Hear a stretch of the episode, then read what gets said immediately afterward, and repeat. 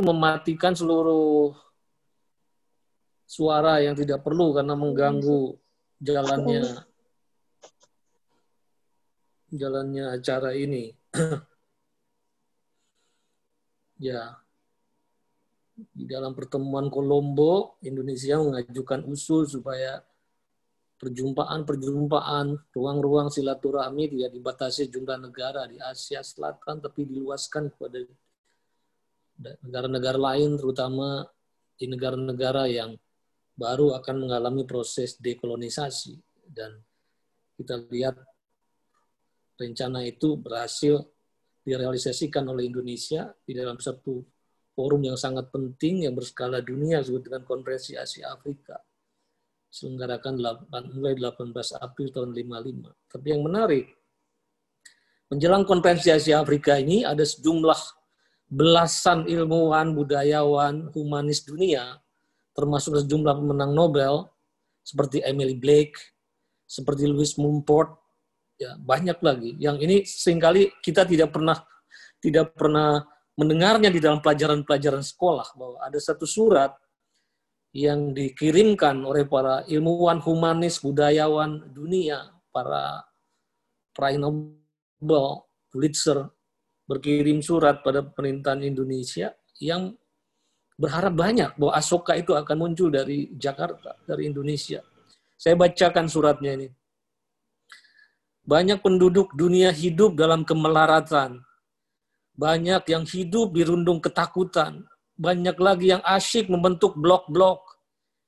Di tengah-tengah tekanan dan kekacauan situasi demikian, kami membuat surat ini untuk menganjurkan kepada Tuhan, bukanlah keraguan-keraguan, tetapi keberanian, bukannya perhitungan-perhitungan, tetapi kebijaksanaan, bukannya tindakan-tindakan sesuka sendiri, tetapi disiplin, bukannya rencana untuk sesuatu blok, tetapi kemajuan cita-cita universal.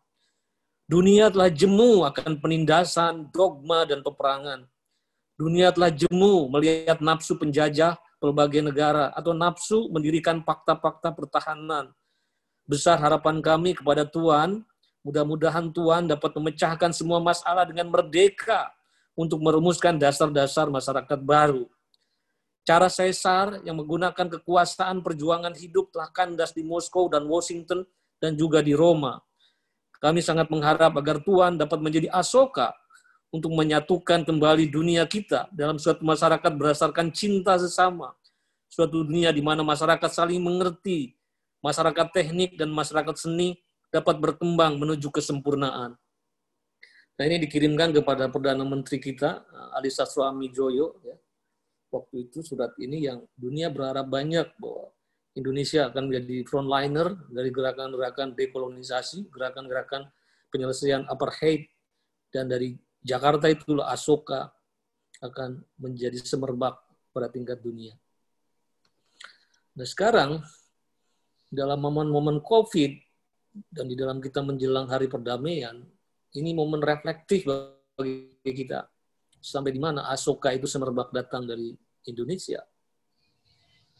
Dan Justru ketika di masa COVID, di mana kita memerlukan usaha untuk pengendalian diri demi kemaslahatan yang lebih baik, kita melihat justru konflik-konflik, kekerasan demi kekerasan, itu mewarnai global hari ini, baik di Jakarta maupun di Washington. Kita lihat di Amerika, negara yang selalu menjadi rujukan dalam penghargaan demokrasi dan HAM, justru sekarang negara yang paling karut marut di mana laskar-laskar bersenjata mulai turun lagi ke jalan-jalan. Orang dipecah belah atas dasar perbedaan garis politik atau perbedaan garis ras. Di Indonesia sendiri, ketika begitu banyak tenaga-tenaga kesehatan terancam meninggal, para elit politik masih sibuk bertarung di ruang publik, seolah-olah tidak punya batas etis kapan harus beraksi atas dasar kepentingan politik, ambisi kekuasaan, dan kapan harus berdiri di atas asoka, perdamaian, kemanusiaan, proteksi terhadap hak-hak dasar hidup manusia. Yang merupakan jaminan bahwa di dalam politik itu pertama kan the protection of people from harms. Dasar mengada dari politik itu memproteksi manusia di dalam dari mara bahaya. Tapi sekarang justru di dalam jantung politik itu kita lihat tidak ada sensitivitas untuk memprotek nyawa manusia, memprotek malah petaka yang mengancam manusia. Pertanyaannya kenapa bisa begitu? Setelah kita merdeka nyaris hampir satu abad, justru Indonesia yang dulu mengambil kepeloporan kepeloporan penting dalam usaha-usaha perdamaian dunia. Bahkan Indonesia itu sampai hari ini kan terkenal pasukan perdamaian Garudanya itu sangat dicintai di seluruh dunia gitu. Tapi kenapa hal-hal seperti ini mewarnai kehidupan publik kita? Nah itu momen reflektif itu membuat kita harus berani berkaca diri mempertanyakan eksistensi kemanusiaan kita. Kadang-kadang manusia memberi nilai pada dirinya terlalu apa ya terlalu suci sehingga kadang-kadang melupakan bahwa manusia itu bukan saja tempat bersemayamnya nilai-nilai keluhuran tapi manusia juga tempat bersemayamnya nilai-nilai evil apa yang disebut dengan uh, apa ya Immanuel kan sebagai radical evil bahwa bagaimanapun juga manusia itu sebenarnya secara sosiobiologis memang ada elemen-elemen predisposisi primata yang mengendap pada dirinya. Dan kesadaran itu penting. Kadang-kadang kita menyadari bahwa di dalam diri kita itu mengalir insting-insting destruktif, insting-insting tanatos, insting-insting membunuh, insting-insting dominatif. Itu kadang-kadang penting untuk menarik sebenarnya kita ini secara sosiobiologis ada kesamaan dengan simpanse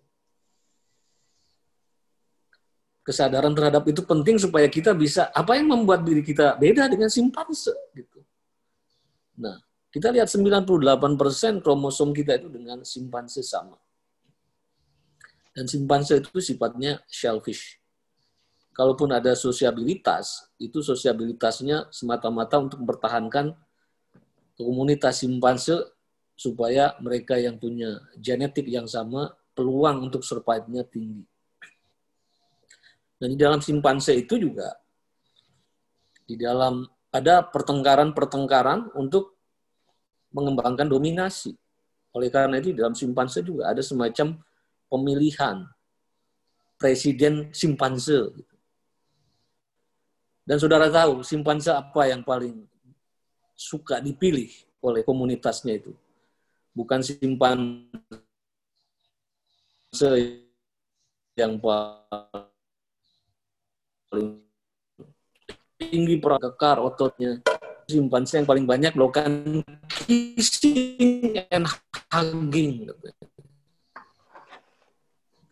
nah tapi sekali simpanse itu sudah terpilih dan selalu saja simpanse itu basis kepemimpinnya itu manhood selalu jalur lelaki jalur jantan pejantan tidak ada ceritanya bagi betina dipilih sebagai pemimpin simpanse. Ini penting nanti karena konsep perdamaian kita kenapa orang kayak John Stuart Mill, Tagore,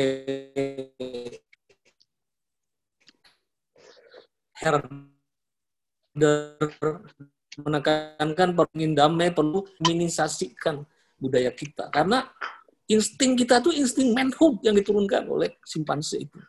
Nah, simpanse sekali telah terpilih sebagai pemimpin, kepentingan dirinya terpenuhi, maka sifatnya dominatif, sifatnya represif, sifatnya apa pun yang dia inginkan harus dilayani.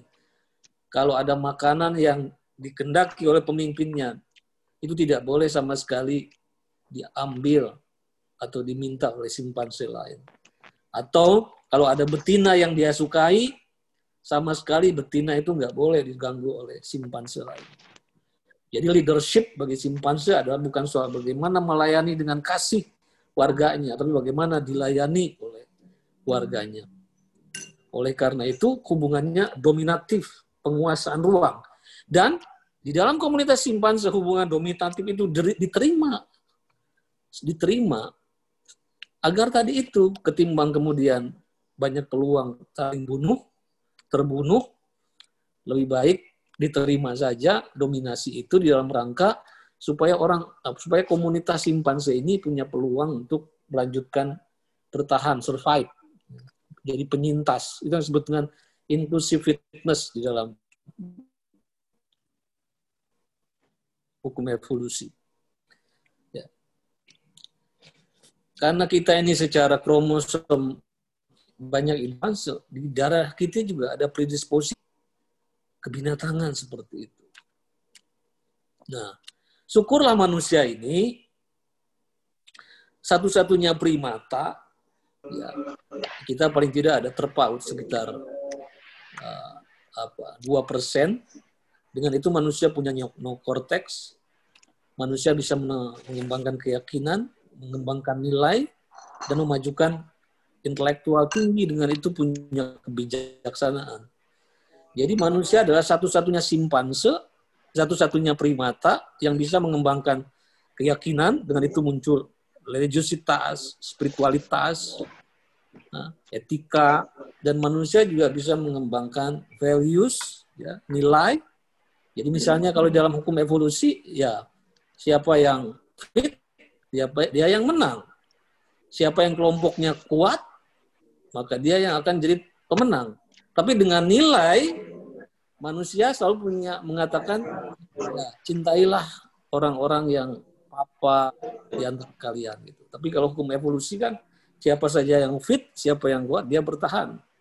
Tapi agama datang mengajarkan kepada umat satu nilai bahwa cintailah sesamamu seperti engkau mencintai dirimu sendiri. Sayangilah orang-orang yang yang yang tertindas, orang-orang yang ternyana, teraniaya. Gitu. Jadi dengan nilai yang dia ciptakan, manusia bisa mengatasi drive-drive primata tadi.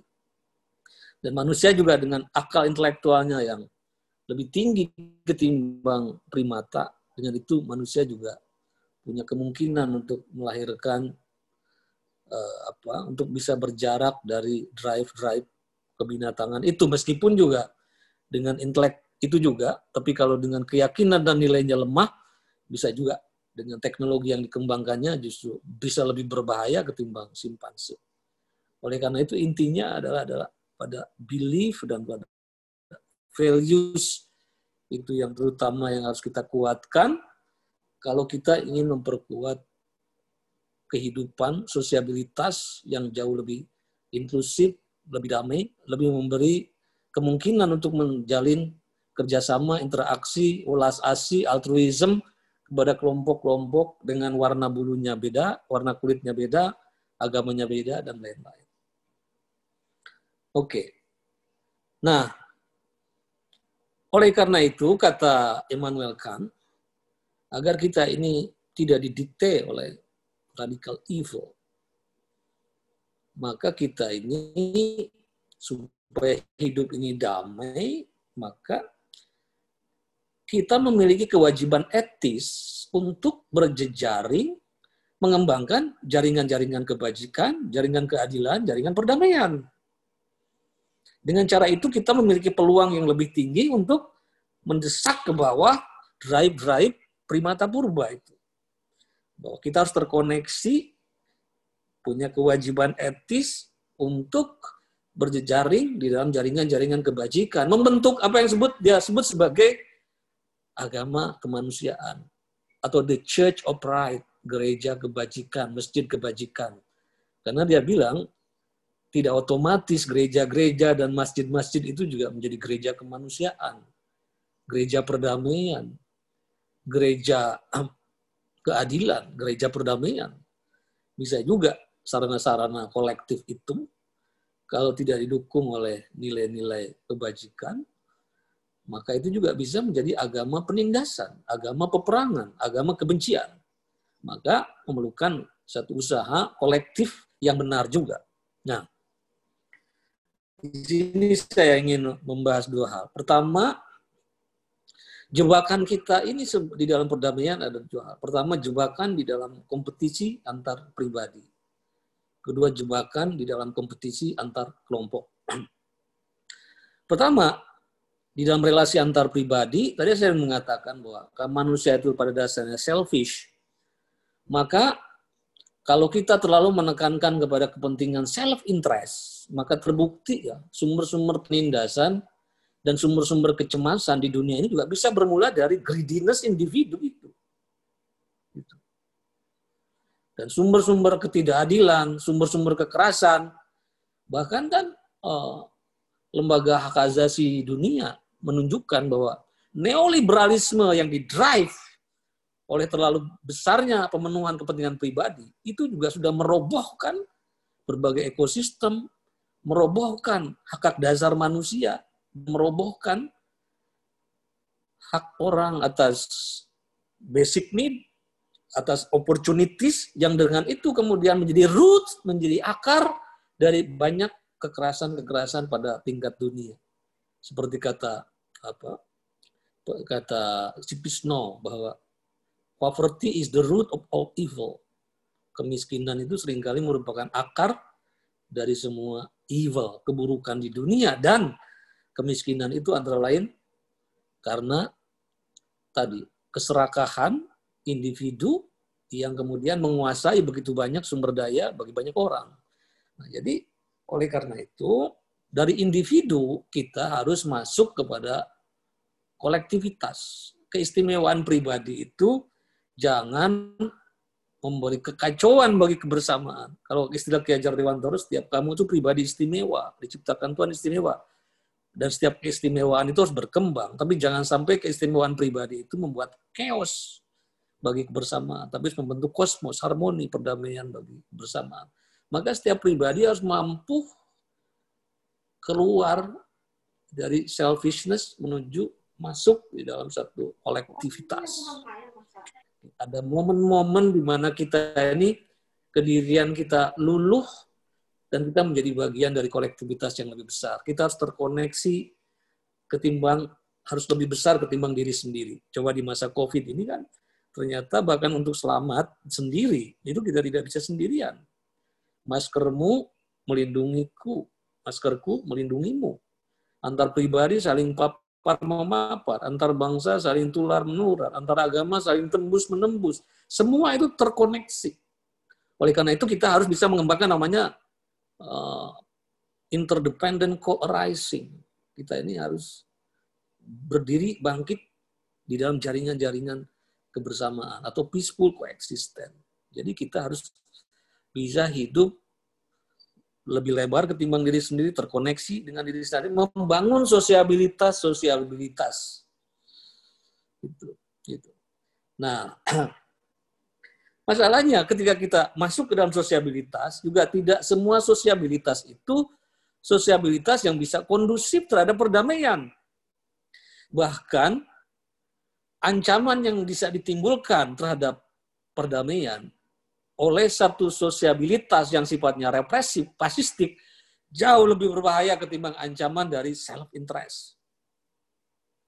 Oleh karena itu, ketika kita membentuk kolektivitas, itu juga jangan sampai kolektivitas yang sifatnya fasistik, yang menyeragamkan, yang tidak ada lorong bagi individu. Dan manusia yang normal, itu kata Durkheim, harus selalu bisa Kapan-kapan dia masuk di dalam emosi kelompok, kapan-kapan dia harus balik otonom sebagai pribadi. Karena kalau manusia terlalu lama di dalam emosi kelompok, semuanya seragam.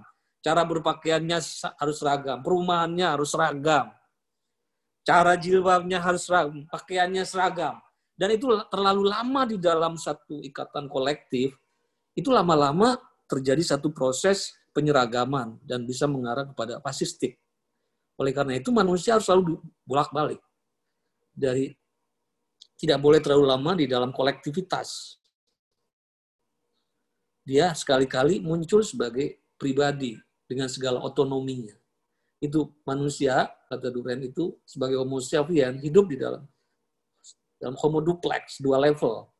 Level propan itu pergaulan antar individu, di mana individu otonom, tidak kehilangan otentisitasnya, otonomi pemikirannya. Tapi sekali-kali kita juga masuk ke level sakral. Jadi, mas sakral yang dimaksudkan adalah ketika kita kedirian kita hanyut di dalam satu emosi publik. Nah, jadi misalnya para penonton sepak bola Persib atau Persija dari luar rumah, dia sebagai pribadi-pribadi, tapi begitu di Senayan, kedirian hilang, yang ada adalah masuk ke momen sakral, semuanya jadi identitas kelompok. Nah, momen-momen kelompok ini juga momen-momen yang diperlukan, tapi yang kita perlukan ketika pertama setelah momen kelompok jangan lupa daratan, kita harus bisa balik ke individu. Kalau terlalu lama diseragamkan di dalam kelompok, itu lama-lama watak kita jadi pasistik, penyeragaman. Itu yang pertama. Kedua, ketika kita masuk dalam emosi kelompok, nah ini kita harus berbeda dengan watak pengelompokan, penyeragaman secara represif seperti dikembangkan oleh nazisme, fasisme. Tapi harus lewat daya-daya estetik seperti Mozart, seperti John Stuart Mill atau seperti Tagore, di mana di dalam publik di dalam kolektivitas itu, di dalam ritual kebersamaan itu yang muncul tuh daya-daya estetik. Nah, jadi misalnya waktu kita memperingati kemerdekaan itu kan pakai baju warna-warni ya. Kelihatannya sepele kita ini tarik tambang, panjat pinang. Itu kan juga bagaimana cara membentuk emosi kelompok, tapi cara kita membangun emosi kelompok itu tidak lewat dominasi, represi, penyeragaman. Ada ruang-ruang estetik, ya, ada ekspresi yang, di, yang dikembangkan. Itulah cara membentuk ruang-ruang kolektivitas yang sehat. Jadi ruang-ruang kolektivitas yang estetik. Jangan sampai masuk ke ruang-ruang kolektivitas yang sifatnya monolitik, represif, dominatif, penyeragaman yang terus-menerus dan di orang ditahan tidak boleh menjadi diri sendiri. Nah itu kebahayanya fasisme itu kan orang tidak boleh menjadi diri sendiri. Semua harus dimampatkan di dalam satu logika kelompok. Nah kita lihat Indonesia sekarang ada tendensi-tendensi di satu sisi selfishness itu berkembang, tapi di sisi lain ketika kita membentuk khasnyut di dalam emosi kelompok, itu yang terjadi adalah sering kali kelompok-kelompok yang berwatak fasistik yang kehilangan daya-daya estetiknya. Dan itu kalau kelompok itu sudah uh, sifatnya fasistik, itu ancaman terhadap perdamaiannya lebih gila. Kita lihat korban-korban fasisme di dunia itu luar biasa. Ya. Oke. Nah, itu uh, nah untuk itu bagaimana cara membangun satu titik keseimbangan ya, di dalam hidup uh, itu membuat bagaimana kita keluar dari jebakan primata menjadi manusia yang baik. Apa itu manusia yang baik? Kata Aristoteles, uh, katakan baik kalau sesuai dengan tujuannya. Jadi misalnya jam yang baik itu menunjukkan ketepatan waktu. Kalau anjing yang baik itu menjaga tuannya. Kalau manusia baik manusia yang baik harus berbeda dengan simpanse. Manusia yang baik adalah manusia yang mengolah apa yang menjadi kekhasan potensi dirinya sebagai manusia tadi. Yaitu sesuatu yang bisa membedakan dirinya dengan primata. Dia bisa mengembangkan keyakinan yang penuh kasih, dua tata nilai yang juga mengembangkan cinta kasih, dan juga kebijaksanaan yang bisa melampaui batas-batas komunalisme. Itu. Nah, dalam konteks itu kemudian selanjutnya supaya kita tidak masuk di dalam jebakan kolektivitas yang pasti, persistik, maka kita memerlukan cara untuk membangun semacam core values, satu ikatan, tetapi ikatan kemanusiaan, ikatan kolektif yang tetap bisa menjaga perdamaian. Nah, itulah yang dilakukan oleh para pendiri bangsa Indonesia bagaimana Indonesia yang begitu multikultural, multi etnis, itu kan proses memanusia dan sekaligus menjadi satu masyarakat warga yang damai itu bukan problem yang mudah karena Indonesia itu miniatur dunia bukan bukan bukan main sulitnya ya. bagaimana dari kompetisi antar pribadi terus antar komunikasi antar kelompok komunal masuk dalam kelompok kebangsaan dan akhirnya masuk ke dalam pergaulan dunia. Itu berarti kan satu perjalanan liku yang panjang bagi orang Indonesia untuk menjadi diri, menjadi warga, menjadi bangsa, terus menjadi warga dunia. Dan itu itu perlu merupakan satu ikatan moral yang sangat kuat yang memungkinkan manusia itu bisa bermutasi secara smooth dari manusia pribadi, manusia warga, warga bangsa dan warga dunia. Itu harus dihela dalam satu tarikan nafas. Dan kita memerlukan cara permutasi yang smooth seperti itu. Manusia kemudian harus mengalami dirinya, mengalami satu transformasi yang terus-menerus dari kedirian sebagai pribadi, manusia yang baik, menjadi warga negara yang baik, sekaligus warga dunia yang baik, dan itu harus membentuk satu tata nilai ikatan moral yang bisa mendukung ke arah itu. Nah kebetulan Indonesia ini taman sari dunia. Oleh karena itu, Indonesia bisa menjadi eksperimen perdamaian dunia sebenarnya. Karena lima sila Pancasila itu menggambarkan keragaman Indonesia dari berbagai sisi. Sila pertama menggambarkan keragaman Indonesia dari sisi agama, sila kedua ragam ras, sila tiga ragam etnis, budaya, adat, sila keempat aliran-aliran partai politik, sila lima lapisan-lapisan kelas-kelas sosial, boleh dibilang segala bentuk aneka keragaman dunia itu ada wakilnya di Indonesia. Dan kita harus menciptakan satu core values, satu ikatan nilai yang bisa menyatukan orang secara terus-menerus jadi gerakan transformasi yang mengarah kepada perdamaian dunia. Yang oleh Ki Hajar sebut dengan trikon. Ada pertama adalah uh, apa? Kon itu continuity kita ini harus ada gerak keberlanjutan dengan usul-usul lama tradisi-tradisi lama apa yang kita punya. Tapi kita juga harus konvergen harus ikut dalam segala perkembangan aliran-aliran kebudayaan dunia dan tentunya konsentris untuk kita menjadi warga dunia tanpa kehilangan kepribadian nasional kita. Nah, bagaimana cara mencairkan satu tata nilai seperti itu. Para pendiri bangsa mungkin karena ketika kita mem mempersiapkan kemerdekaan Indonesia dan bentuk konstitusi, kebetulan itu adalah merepresentasikan segala keragaman Indonesia. Saya kira jarang ya konstitusi di dunia ini di mana framersnya ini seragam, ya, seragam di sini bukan seragam sama ya, seberagam Indonesia baik anggota BPUPK, PPKI, anggota BPUPK itu 68 orang, PPKI 27 orang, itu sudah mencerminkan segala keragaman dunia. Ya. Dari segi etnis dan ras di sana, dari etnis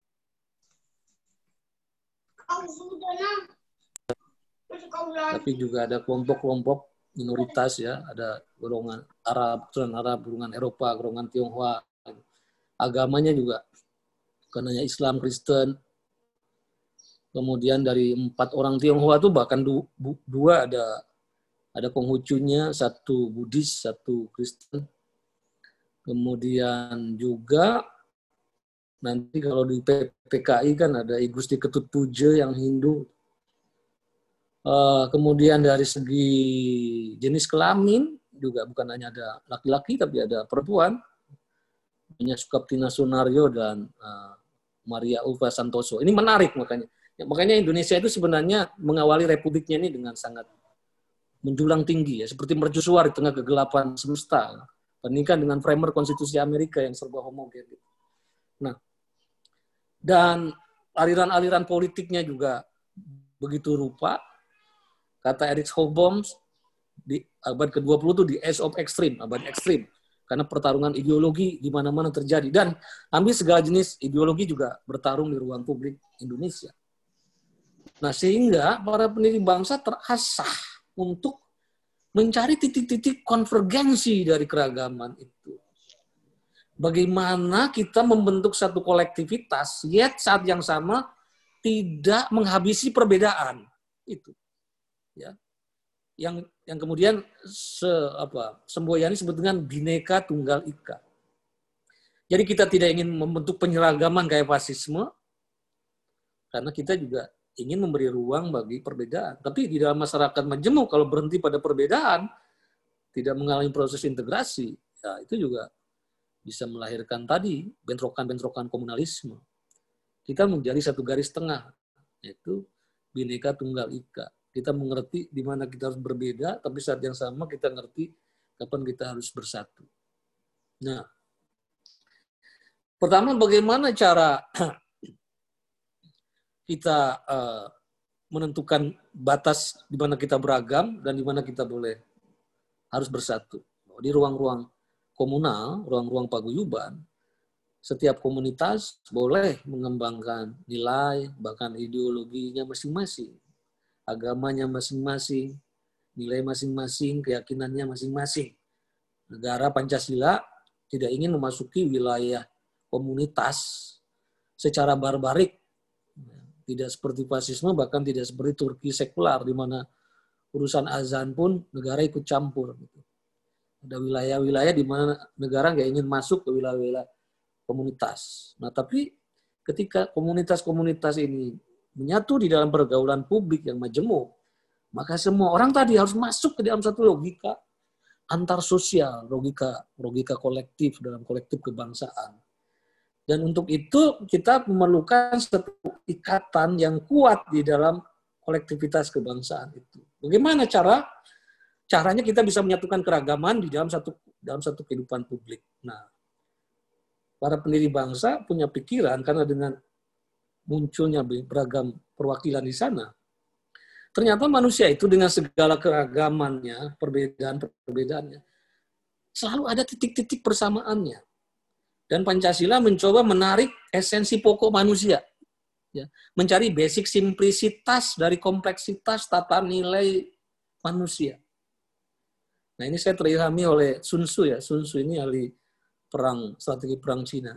Dia bilang di dalam cara kita mencari titik temu, kita harus menemukan basic simplicity dari complexity. Dia lihat misalnya dia bilang mozaik warna itu enggak bertepi kemungkinannya warna-warni sekali semesta ini. Tapi apa pun warna warni semesta pada dasarnya bisa ditarik asal usulnya pada lima warna dasar. Apa itu? Hitam, putih, merah, kuning, biru kan itu. Dia bilang mozaik apa, mozaik rasa, cita rasa makanan itu nggak bertepi kemungkinannya. Soto aja kita punya 60 varian soto, udah beda-beda tuh rasanya. Tapi dia bilang apa pun cita rasa itu bisa ditarik esensi pokoknya itu simplisitasnya itu lima rasa dasar. Apa itu? Manis, asin, asam, pahit, gurih gitu kan. Terus dia bilang melodi musik itu nggak bertepi kemungkinannya. Musik via Valen beda dengan Ariana Grande gitu kan. Nah, tapi apa pun musik dunia itu pada dasarnya bisa ditarik dia bilang pada lima not dasar. Maksudnya kan not pentatonik nah orang Cina ya. Daminatila. Gitu kan. Nah, jadi mencari simplicity itu merupakan kecanggihan yang paling ultimum kata Leonardo da Vinci. Simplicity is the ultimate sophistication. Kemampuan kita untuk mencari basic simplicity dari kompleksitas itu adalah ujung dari kecanggihan yang bisa dilakukan orang. Kita ini kadang-kadang kan yang yang sudah rumit dirumit-rumitkan gitu. Padahal mestinya yang rumit harus bisa disederhanakan. Nah, para pendiri bangsa melihat manusia itu dengan segala perbedaan yang sering kali melahirkan tengkar-tengkar komunal itu pada dasarnya memiliki esensi dasar yang bertemu pada tiga poros. Pertama, manusia itu makhluk makhluk uh, biologis sekaligus makhluk rohani. Kedua, manusia itu makhluk individu sekaligus makhluk sosial. Ketiga, manusia itu makhluk universal sekaligus partikular. Nah, pertengkaran dan ketidakdamaian di dunia terjadi karena ketidakseimbangan di dalam menjalin paradoks tiga paradoks ini. Jadi antara jasmani rohani itu bukan dikotomi namanya paradok. Bahwa manusia itu kebutuhan jasmaninya perlu dipenuhi, kebutuhan rohaninya juga perlu dipenuhi. Kalau terlalu kalau kebutuhan rohani jasmaninya juga tidak tidak dipenuhi, insting kebinatangan manusia juga akan muncul. Jadi kata Soekarno, orang yang lapar tidak akan seketika toleran, hanya dikasih kitab konstitusi. Mbak lapar, nih baca konstitusi. Gak bisa. Orang yang lapar hanya akan menjadi fishbowl kalau dikasih makan dulu. Jadi kebutuhan dasar itu sesuatu yang Fitri. Makanya kan Idul Fitri itu sebenarnya kan iftar itu sebenarnya makan minum, kembali makan minum. Nah, tapi manusia ternyata tidak cukup kalau terlalu termakan oleh kebutuhan biologis. Kemudian lama-lama gravitasi syahwat buminya terlalu kebanyakan, melahirkan pengembangan rohani, itu juga bermasalah. Dan kita lihat sekarang di dunia, tidak selamanya negara-negara yang GNP GDP-nya tinggi, otomatis warganya peaceful. Singapura, Korea, Jepang, Cina, GDP-nya tinggi, tapi tingkat bunuh dirinya juga tinggi. Gitu. Jadi satu kontinum antara jasmani rohani. Kedua, manusia itu kontinum antara individu dan sosial tadi. Manusia sebagai makhluk individu itu juga punya kreativitas, punya bawaan kodrat yang nggak bisa sepenuhnya dihabisi oleh logika kelompok negara.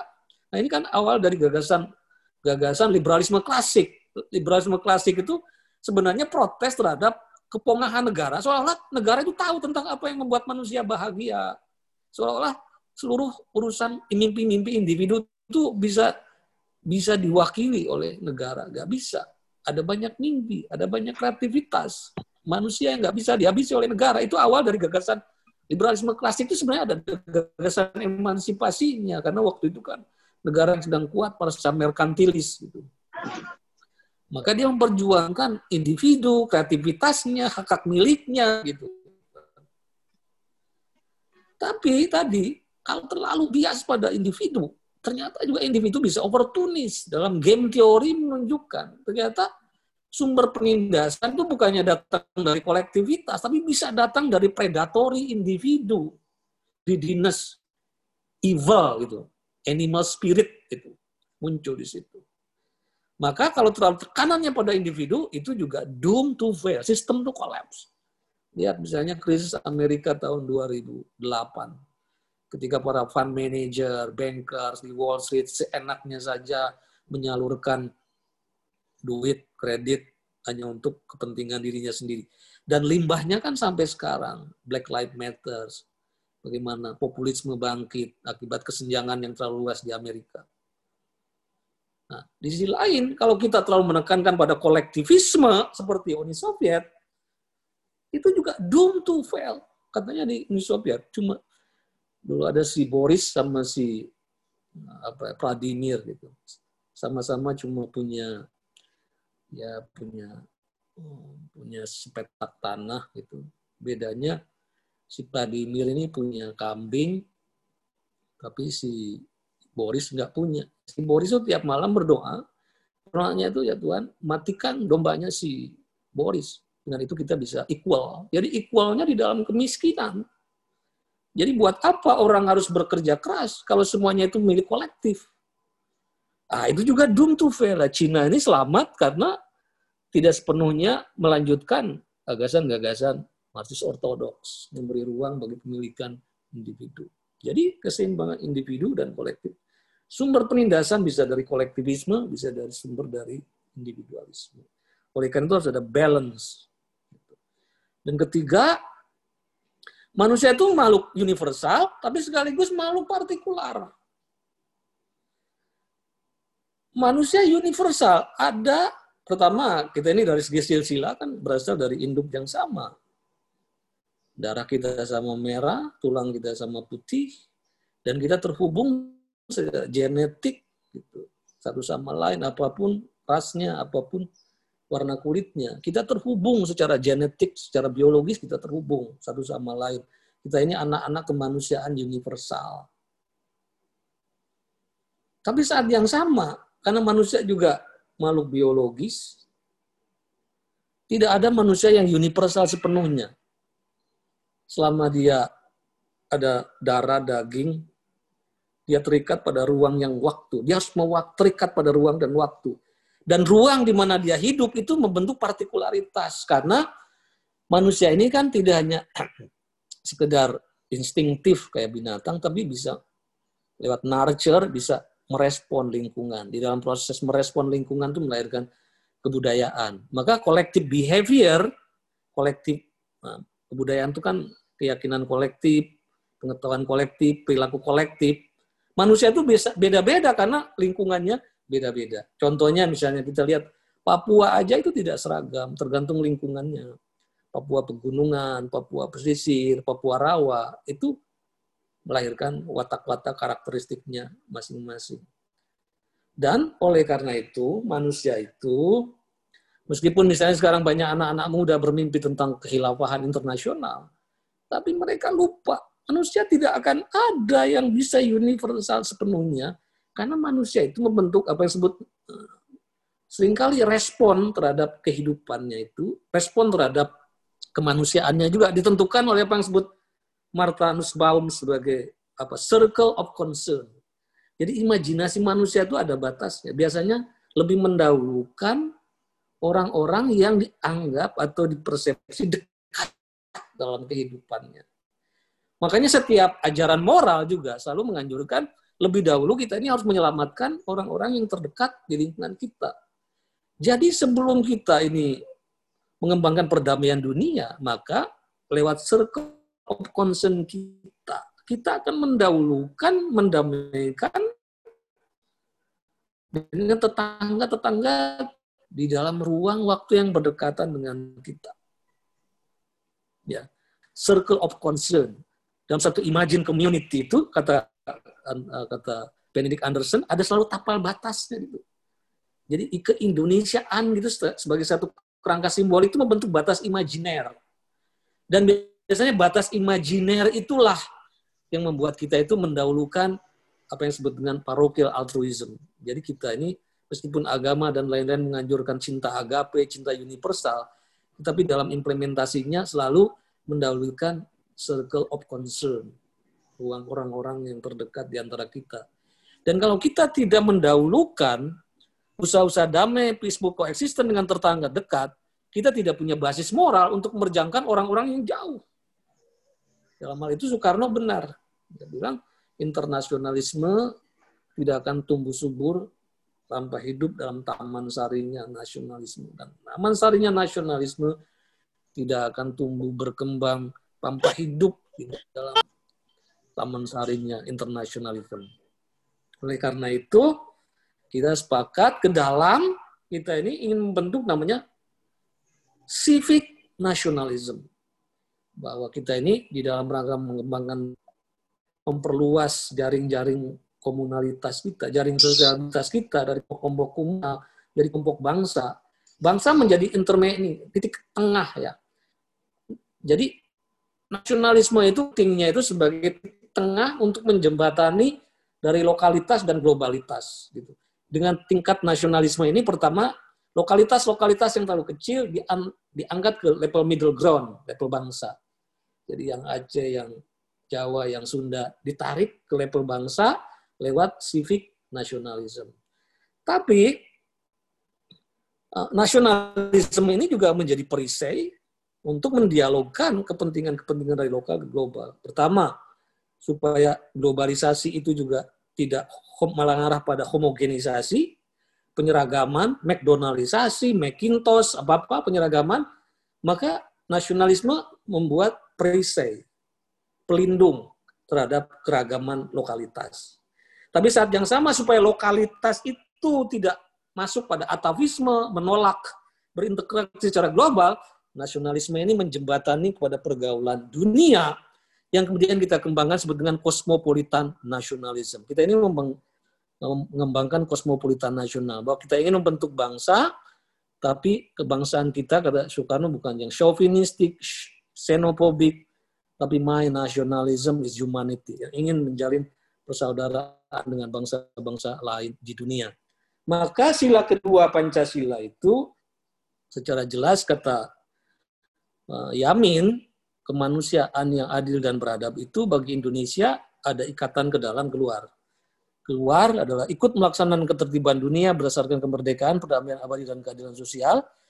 Ke dalam itu wujudnya adalah menghargai hak-hak azasi manusia. Seperti kata seperti dalam doktrin Duham juga bahwa soal bagaimana pengembangan hak-hak azasi itu agen utamanya terutama bagaimana negara menjamin hak-hak dasar manusia itu. Nah, Pancasila kemudian, nah ini bagian terakhir lah, karena waktunya kepanjangan saya. Bagaimana tadi Pancasila di dalam cara mencari kesehatan individu dan sosial universal partikular di dalam membentuk moral publiknya itu kemudian melahirkan lima prinsip yang kita sebut sebagai Pancasila. Filosofi perdamaian, filosofi keseimbangan, tadi filosofi keseimbangan antara tiga poros, tapi sekaligus melahirkan harmoni, filosofi perdamaian. Bagaimana perdamaian menurut Pancasila bisa dikembangkan? Pertama, manusia ini secara ontologis, adanya manusia ini selalu ada yang diadakan oleh yang maha ada terserah yang maha ada ini bisa sebut yang tak terhingga Tuhan atau whatever lah. Yang pasti manusia itu diadakan, adanya diadakan oleh yang maha ada. Oleh karena itu manusia merupakan kristalisasi dari cinta kasih yang tak terhingga itu. Karena manusia tercipta sebagai kristalisasi dari cinta kasih yang maha ada, maka manusia menjadi makhluk manusia menjadi makhluk rohani yang selalu bisa mentransendensikan diri dia dari gravitasi karya yang imanen ini. Manusia menjadi makhluk rohani yang selalu melakukan gerak meninggi.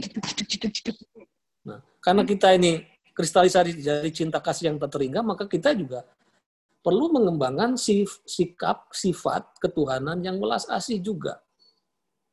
Perhatikan saudara, seluruh seluruh sila Pancasila itu semuanya diungkapkan dalam kata sifat ketuhanan, kemanusiaan, persatuan, kerakyatan, keadilan. Jadi makna sila pertama ini yang penting itu adalah kita harus meniru sifat-sifat Tuhannya. Soal soal Tuhannya apa, itu urusan rumah tangga agama masing-masing. Jadi nggak terlalu penting-penting amat juga ada kata esaknya itu. Karena itu urusan rumah tangga agamanya masing-masing. Tuhannya apa, sholatnya apa, itu urusan rumah tangga masing-masing. Yang penting siapa pun Tuhan kita, kita harus mengembangkan sifat-sifat Tuhan. Dan sifat timum yang secara universal menjadi titik temu semua agama-agama itu adalah Tuhan yang welas asih. Makanya orang Islam akan berdoa Bismillahirrahmanirrahim dengan nama Tuhan yang pengasih dan penyayang. Orang Kristen, Katolik akan berdoa dengan nama Tuhan Bapa yang makasih. Orang Hindu akan berdoa, Om Shanti Shanti Om, damai kasih sayang. Umat Buddha akan berdoa, semoga semua makhluk bahagia. Yang kedua, manusia itu adanya selalu ada bersama dengan yang lain. Mungkin manusia hidup. Gak mungkin manusia ada bersama bisa hidup tanpa ada dengan yang lain. Dan ada dengan yang lain ini bukan hanya yang lain ini bukan hanya manusia tapi termasuk flora dan fauna. Manusia juga gak bisa hidup tanpa flora dan fauna. Nah, olah karena itu kita harus ada bersama yang lain, maka ada bersama dengan yang lain pun hanya terjadi kalau kita mengembangkan sifat kasih sayang. Gak mungkin ada bersama dengan yang lain dengan sangat kebencian, saling membunuh, saling menghabisi. Nah, ada bersama dengan yang lain dengan dasar cinta kasih itu yang disebut dengan pri kemanusiaan. Dan tadi saya katakan kalau kita mencintai kebinatangan, itu istilahnya mencintai binatang, istilahnya bukan pri kebinatangan. Itu juga pri kemanusiaan yang adil dan beradab itu. Makanya sila kedua ini sebenarnya kata adil dalam sila kedua itu seluruh menyangkut hak sipil, politik, hak ekonomi, sosial, dan budaya. Dan termasuk proteksi terhadap ekosistem sudah ada dalam Pancasila. Yang berikutnya tadi, manusia sebagai makhluk sosial itu tidak bisa hidup dalam kenyataan abstrak. Harus dalam kenyataan konkret, dalam ruang hidup, namanya tanah air, dan pergaulan hidup dengan segala kemajemukannya. Cara mencintai tanah air dan pergaulan hidup itu juga harus dengan dasar cinta kasih. Gak bisa tidak. Kita tidak mungkin tidak mencintai tanah air yang memberi kita makan, minum, dan lain-lain. Dan kita juga kalau mencintai tanah air berarti harus mencintai seluruh apa yang ada di dalamnya, termasuk segala kemanusiaan yang beragam. Dengan itulah kita cara mencintai ruang hidup dan pergaulan hidup cinta kasih, kita mengembangkan nilai kebangsaan. Yang berikutnya, manusia sebagai makhluk sosial yang beragam setiap hari harus mengambil keputusan menyangkut masalah bersama dan merespon tantangan bersama. Nah, cara kita merumuskan masalah bersama, merespon tantangan bersama, itu juga harus dengan jalan-jalan kasih. cara mengambil keputusan dengan jalan-jalan kasih itu yang disebut dengan musyawarah. Nah, dalam musyawarah itu perlu kebijaksanaan, ya. perlu deliberation, perlu kebijaksanaan, ya. mendengar perkataan orang lalu mengambil yang terbaik, gitu kan. Jangan lihat siapa orangnya, lihat argumennya. Gitu. Jangan apa? Jangan untuk kepentingan jangka pendek, tapi kepentingan jangka panjang. Harus inklusif, menyertakan semua orang. Semuanya atas dasar win-win solution, bukan win-lose. Bukan menang-menangan otot, bukan menang-menangan uang. Gitu. Dan yang terakhir, manusia itu makhluk rohani yang menjasmani. Selama kita punya jasmani, kita perlu makan, perlu minum, perlu sandang, perlu pangan. Cara berbagi kasih terhadap sesama manusia dengan berbagi kebutuhan jasmani rohani itu disebut dengan keadilan sosial. Jadi keadilan sosial ini adalah keadilan yang spesifik, yaitu justice in term of distribution of wealth, opportunities, and privilege. Jadi kalau kata adil dalam sila kedua tuh yang sipil, politik, ekonomi, sosial, budaya, tapi keadaan sosial adalah khusus social justice dalam adil restribusi kekayaan, opportunity, dan privilege. Jadi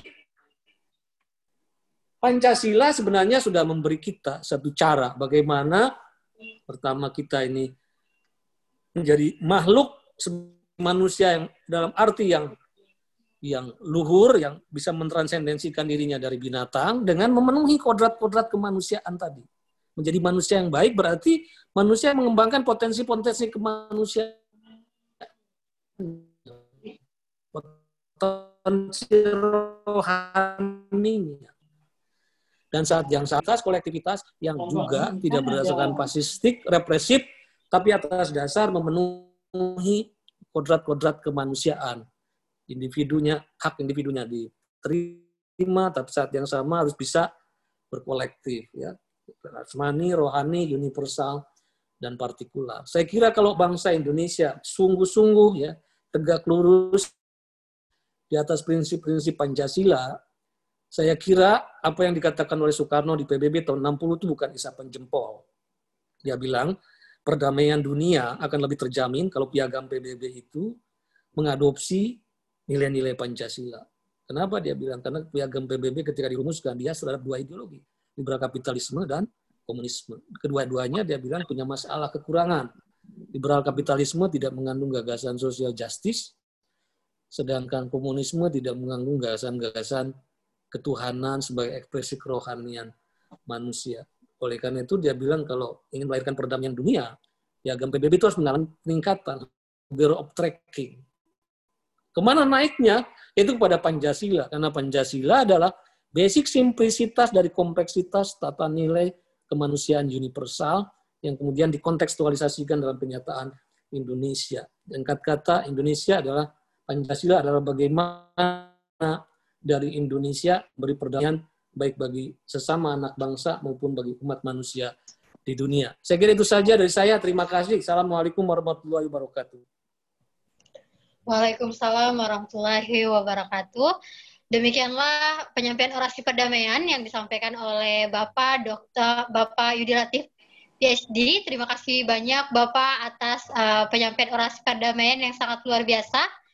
Nah, uh, teman-teman, baik uh, sebentar lagi kita akan memasuki acara inti pada siang hari ini, yaitu memasuki acara bincang literasi perdamaian yang akan dimoderatori oleh Kak Elita Triandayani. Beliau adalah CEO founder Generasi Literat, juga sebagai relawan COVID nasional di bidang komunikasi, informasi, dan edukasi, dan sehari-harinya bekerja di salah satu NGO yang bergerak dalam isu pelayanan publik dan kebencanaan. Untuk itu, kepada Kak Elita, kami persilahkan. Halo, Assalamualaikum. Rahma, terima kasih. Suara saya apakah sudah terdengar jelas? Sudah jelas, Kak. Silakan. Oh, Alhamdulillah. Terima kasih. oh ya, oke. Okay. Uh, eh, selamat siang semuanya. Assalamualaikum warahmatullahi wabarakatuh. Waalaikumsalam. Salam sejahtera bagi kita semua. Uh, Alhamdulillah hari ini saya kembali lagi menjadi moderator di seri pertama dalam serial Bincang Literasi Perdamaian. Ucapan terima kasih kepada para narasumber dan kepada Pak Yudi Latif yang sudah tadi memberikan orasi perdamaian. Wah, sangat inspiratif sekali, Pak. Terus juga ya terhormat kepada Ibu Profesor Musda Mulia MA Yang terhormat juga Ibu Lian uh, Gogali, yang terhormat juga kepada Bapak uh, Dr. Samsul Ma'arif, dan yang terhormat juga kepada peserta yang udah hadir nih dalam ruang virtual yang membahagiakan ini. Boleh kita kasih reaction applause dulu pada fitur Zoom untuk kita semua? Boleh? Wih, luar biasa. Oke.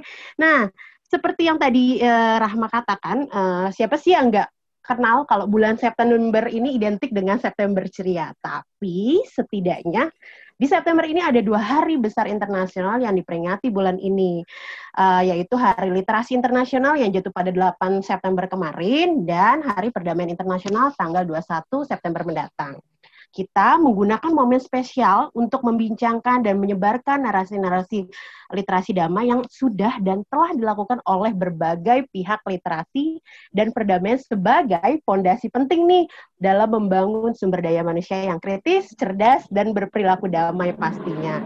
Nah, karena ini adalah masa pandemi, kalau kita melihat beberapa berita, Kementerian eh, Komunikasi dan Informatika juga merilis setidaknya ada sekitar 500 berita hoax yang beredar di berbagai platform media sosial yang terkait dengan COVID-19. Sementara itu, dalam isu perdamaian di berbagai bidang juga masih menyisakan PR banget nih teman-teman. Kekerasan karena perbedaan, ras uh, apa uh, rasisme, radikalisme, ekstremisme hingga terorisme masih marak nih di masa pandemi. Nah, terus dampak lainnya juga dari pandemi ini adalah persoalan pencemaran lingkungan khususnya kalau kita lihat berita-berita tentang sampah APD, kemiskinan dan kesejahteraan sosial dan gangguan mental. Banyak upaya yang sudah dilakukan sama kawan-kawan uh, dalam mengkampanyekan praktek baik dalam membangun literasi perdamaian di berbagai bidang.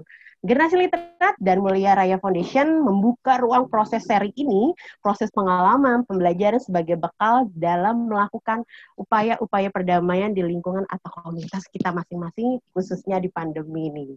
Nah, sebelum masuk ke materi, saya akan menyampaikan beberapa ketentuan diskusinya dulu ya, sebagai berikut.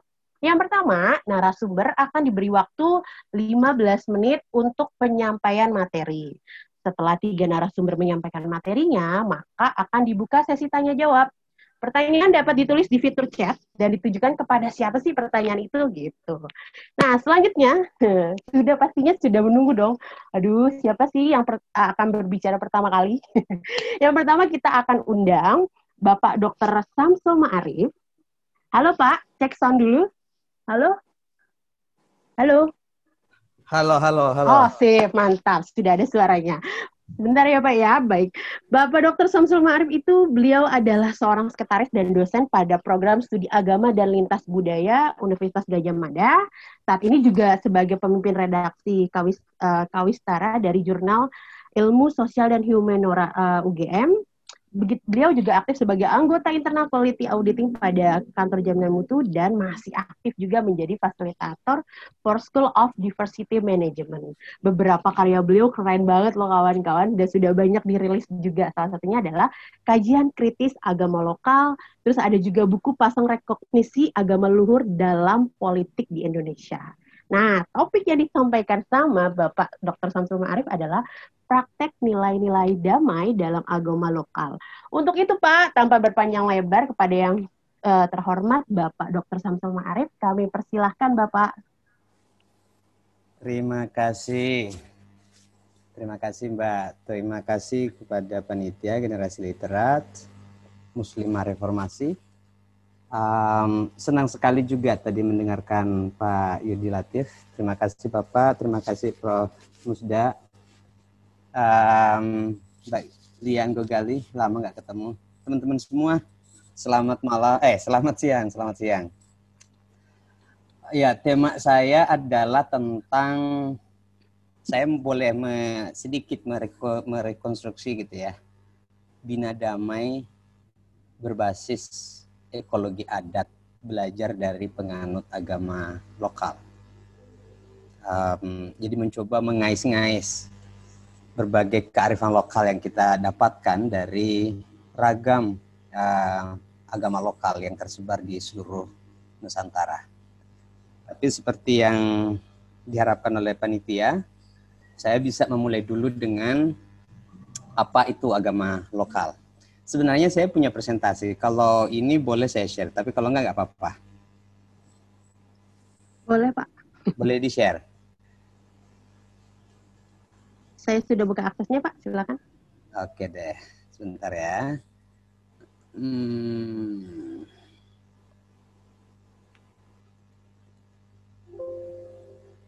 Sebentar.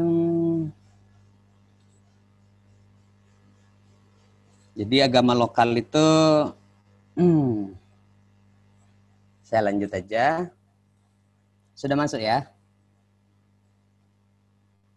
Sudah kelihatan? Sudah, Pak. Oke. Nah, agama lokal itu apa? Ini secara sederhana bisa saya definisikan begini, gagasan atau orang menyebutnya ajaran dan praktek. Jadi gabungan gagasan dan praktek untuk membangun hubungan dengan Tuhan, manusia, dan alamnya yang bersumber pada kearifan lokal Nusantara yang kita lihat di banyak sekali tersebar di Nusantara ini.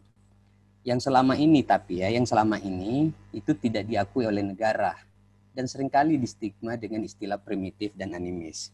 Ini kalau boleh saya sambungkan tadi yang disampaikan oleh Pak Yudi Latif, Indonesia disebut sebagai taman sari dunia. Banyak sekali hal termasuk agamanya. Nah, yang tidak ada di situ adalah yang tidak ada dalam taman sari itu, itu adalah agama lokal. Jadi Pak Yudi tadi menyebut banyak agama, tapi ternyata agama yang ada itu hanya enam. Nah, agama lokal itu tidak masuk. Nah, itu sebenarnya di antara fakta atau uh, yang kita sedang lihat jika apa fenomena kebangsaan kita yang kita lihat jika menyinggung masalah agama lokal.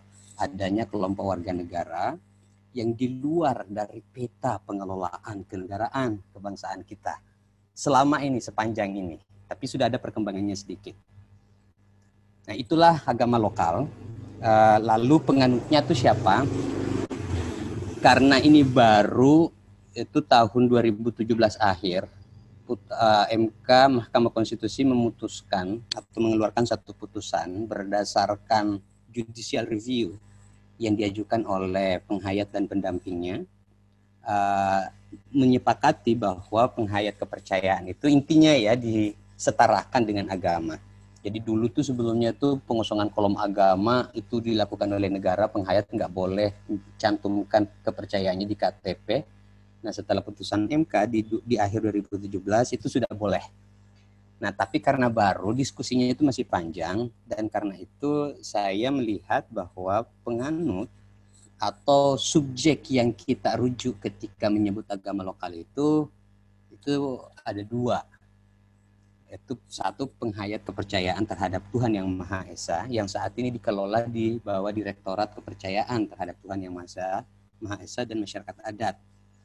Uh, saat ini 190 paguyuban atau organisasi penghayat kepercayaan yang terdaftar dan terlayani atau sedang diupayakan pelayanannya. Masih banyak yang belum, nanti kita singgung sedikit.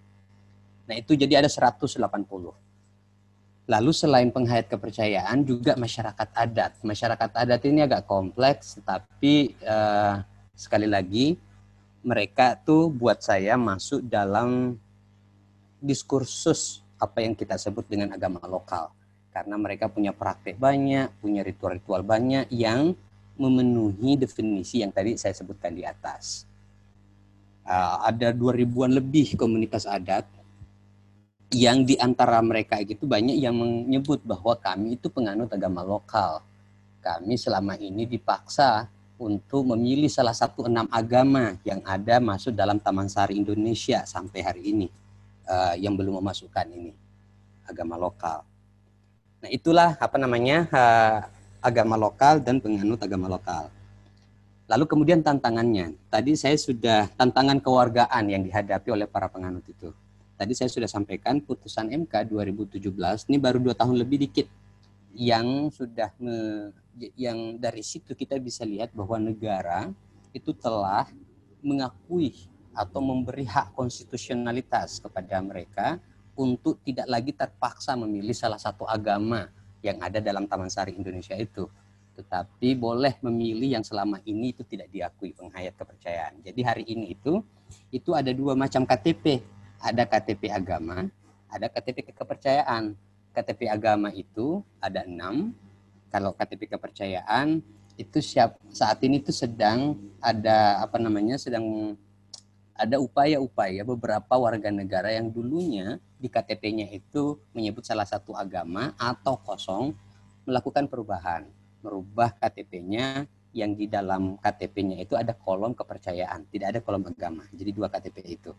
Nah, berangkat dari situ setelah putusan MK di akhir 2017, 2018, 19 sampai sekarang itu itu negara itu semacam sedang berusaha memenuhi karena begitu banyak sehingga masih banyak yang belum bisa terpenuhi. Di antara yang menonjol misalnya bisa kita lihat adalah pendidikan kepercayaan. Jadi hari ini itu kita sudah memiliki atau negara itu sudah membolehkan adanya pendidikan kepercayaan, bukan pendidikan agama. Dulu itu semua orang dipaksa mengikuti pendidikan agama jika masuk ke SD, ke SMP, SMA. Sekarang ini sudah boleh memilih pendidikan kepercayaan, bukan lagi pendidikan agama, bagi penghayat kepercayaan. Tetapi tidak semua sekolah belum mau, tidak semua daerah belum mau. Nah itu tantangannya. Karena uh, kalau kita telusuri lebih jauh dari regulasi-regulasi yang Pak Yudi Latif tadi lihat itu sebagai Taman Sari, masih banyak regulasi-regulasi yang masih menghalangi pelaksanaan apa namanya pemenuhan hak kelompok-kelompok ini. Jadi ada banyak regulasi yang ada di pusat sebenarnya potensial tetapi kemudian dihadang oleh adanya regulasi daerah. Jadi ada regulasi gitu ada putus apa namanya misalnya uh, peraturan menteri bersama bersama menteri uh, yang khusus misalnya mengatur uh, pedoman pelayanan hak-hak penghayat kepercayaan yang di yang diberikan kepada pemda-pemda. Nah, sampai hari ini tuh saya belum menemukan ada Pemda yang secara serius melaksanakan itu. Padahal itu sejak 2019 eh 2009 tuh. Sampai sekarang tuh belum. Jadi ada banyak regulasi, selain regulasi yang tumpang tindih, ada beberapa regulasi yang memfasilitasi sebenarnya upaya pemenuhan itu, tapi banyak dihadang. Di antara selain oleh aparat sipil negara itu juga adalah penerimaan sosial. Penerimaan sosial kita itu atau penolakan sosial maksud saya. Jadi masyarakat kita itu umumnya masih banyak yang belum tahu apa itu penganut agama lokal, apa itu kepercayaan, sehingga ketika ada persekusi misalnya sering kali dianggap lumrah. Mungkin karena di antaranya yang tadi sekali lagi merujuk ke Pak Yudi Latif tadi, Taman Sari kita itu sangat dominan, kita mendunia, tetapi di mata di hadapan mata kita itu tidak kita lihat. Atau kita lihat tetapi yang kita lihat itu adalah penuh stigma. Jadi dulu itu sering kali sampai sekarang stigma animis, primitif, kolot, ketinggalan, tidak beradab kayak gitu yang sering kali kita labelkan kepada kelompok-kelompok itu. Nah, itu di antara yang menjadi penyebab uh, sulitnya pemenuhan hak warga negara ini sampai hari ini karena masyarakat juga banyak yang menolak. Di perguruan-perguruan tinggi itu jarang didiskusikan hal ini. Sehingga reproduksi pengetahuan kita tentang kebangsaan sering kali atau bahkan umumnya lalai melihat fenomena ini. Tidak masuk dalam diskursus, dalam diskusi sehingga tidak sampai pada uh, perhatian kita. Uh, nah, itulah kondisinya, situasi itu. Nah, tapi saya ingin menunjukkan juga begini. Uh, di samping dari ketertindasan, tekanan yang dihadapi oleh warga gini, ada banyak pelajaran. Saya sendiri pelajari. Nah, salah satu kaitannya dengan apa namanya acara kita ini menyambut Hari Perdamaian. Saya justru menemukan banyak sekali nilai-nilai mulia, luhur di masyarakat ini, di masyarakat-masyarakat adat, penganut-penganut agama lokal, atau penghayat kepercayaan yang kalau boleh ini tentu saja ada banyak hal tapi saya mau fokus pada satu yang menjadi karakter umum dari ajaran mereka praktek mereka kaitannya dengan perdamaian yakni berbasis ekologi. Yang tadi di awal saya sebut itu ekologi adat. Apa itu ekologi adat? Ini saya secara sederhana definisikan begini. Gagasan dan praktek juga yang menekankan relasi harmonis timbal balik uh, antara manusia dengan lingkungannya.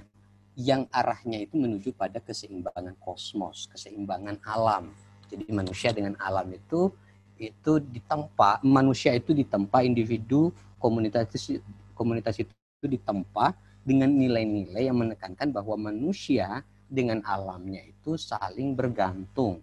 Manusia uh, perlu saling bergantung karena manusia itu mendapatkan kehidupan banyak hal dari alam dan secara timbal balik manusia itu harus menjaga alamnya juga. Itu nilai dasar dan itulah nilai dasar yang mendasari bagi bangunan damai. Nah, jika kita lihat gagasan itu uh, itu umumnya dalam praktek-praktek ritual. Nah, saya mengkaji banyak tentang ritual-ritual agama lokal itu.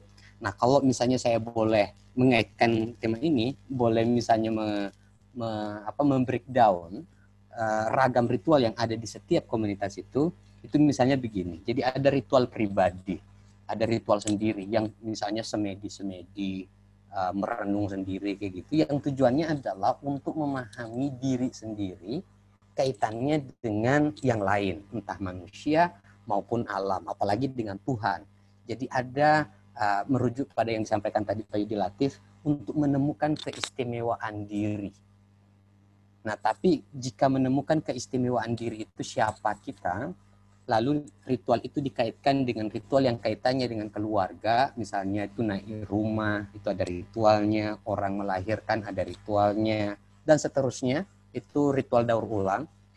Nah, yang keistimewaan diri itu itu ditempa bersama keistimewaan diri-diri yang lain dalam kehidupan keluarga yang tujuannya adalah untuk membangun hubungan baik antara keistimewaan diri yang satu dengan keistimewaan diri yang lain sehingga membentuk satu keluarga yang solid, solidaritas keluarga yang solid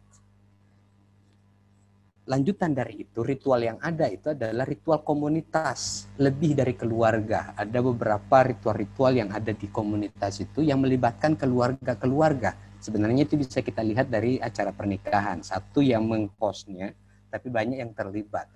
Nah tujuan dari komunitas keluarga itu adalah mereproduksi gagasan ekologi itu tadi yang didapatkan dari ritual sendiri dari keluarga untuk disambung. Jadi bangun solidaritas antar keluarga dalam satu komunitas. Nah, lanjut dari itu ada banyak ritual-ritual juga yang kategorinya itu adalah kaitannya dengan alam. Sekali lagi ini juga adalah untuk mereproduksi gagasan relasi harmonis ini tadi, relasi ekologi adat, hubungan manusia dengan alam. Jadi ritual itu adalah media pembelajaran tentang siapa manusia, siapa kita ini, hubungan kita dengan manusia, hubungan kita dengan alam dan itulah yang terus apa media itulah yang menjadi sarana bagi reproduksi gagasan dari generasi ke generasi. Jadi ada banyak komunitas yang tidak punya pendidikan formal, tetapi ritual itu menjadi sarana pendidikan informal dalam bahasa modern kita, informal tetapi sangat solid ketat itu yang bisa menurunkan gagasan sekaligus mengimplementasikannya. Nah, itulah nilai. Nah, saya coba ingin tegaskan, uh, sorry, uh, bagaimana melihat ini sebagai ajaran yang uh, mengajarkan tentang nilai-nilai damai.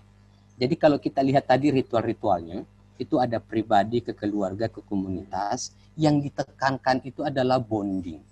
Jadi keterikatan antara individu, masing-masing individu punya keistimewaan, tapi keistimewaannya itu itu penting dikaitkan dengan diri yang lain dalam keluarga, dalam komunitas. Jadi uh, apa tuh namanya yang tadi Pak Yudi jelaskan menurut saya ini pas banget melihat ini. Uh, apa namanya inklusivitas itu menjadi media bagi uh, apa namanya memberi kebebasan kreativitas bagi individu tetapi kreativitas dan kebebasannya itu itu diolah bersama dalam komunitas. Tapi lebih dari itu itu juga ke alam Nah di alam ini kalau kita lihat praktek-praktek ritualnya misalnya larung saji, apa namanya ritual-ritual apa namanya bersih desa itu melibatkan semua orang yang ada di komunitas di daerah kayak gitu tanpa melihat batas-batas identitas agamanya misalnya. Orang Kristen ada di situ boleh masuk orang Islam boleh masuk orang Hindu Buddha semuanya boleh masuk. Nah nilai damai yang ditekankan di sini itu adalah kedamaian yang berbasis psikologi adat itu adalah keseimbangan bukan hanya hubungan antar manusia tetapi juga antar dengan alam. Dan dalam konteks itu manusia atau universalisme manusia gitu itu tertanam yang tidak menghilangkan partikularitas bahkan partikularitas individu. Partikularitas komunitas itu dijaga dengan baik. Nah, saya kira yang bisa kita pelajari untuk ini para generasi muda hari ini, ini yang terakhir adalah perspektif lingkungan ekologi ini menjadi sangat penting. bagian dari narasi damai kita. ini atau di sekitar kita. Kita begitu bergantung pada alam kita begitu bergantung pada apa namanya lingkungan. Nah jika perdamaian itu kita masukkan narasinya tentang lingkungan um, yang kita target itu bukan hanya hubungan manusia dengan, ya, dengan manusia tetapi juga dengan alam. Karena jika lingkungan rusak manusia juga akan rusak. Jadi kedua-duanya uh, penting saya kira untuk kita terus dorong dan itulah pelajaran yang kita dapat dari penganut agama lokal. Saya kira itu Mbak moderator. Terima kasih. Uh, wassalamualaikum warahmatullahi wabarakatuh. Rahayu. Rahayu. Rahayu Ya, terima kasih Pak uh, Samsul Ma'arif. Boleh kita kasih aplaus dulu dengan uh, Bapak.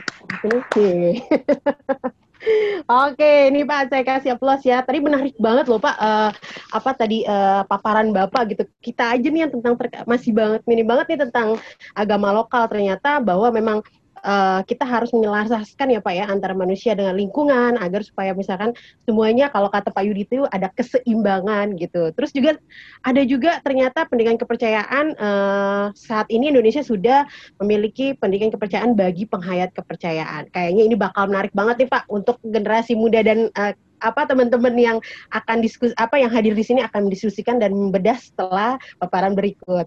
Oke, terima kasih ya Pak Samsul Marif. Nah, selanjutnya untuk narasumber yang kedua, ya saya cek sound dulu ke Mbak Lian Gogali. Halo Mbak Lian. Alhamdulillah sudah ada ya Mbak ya.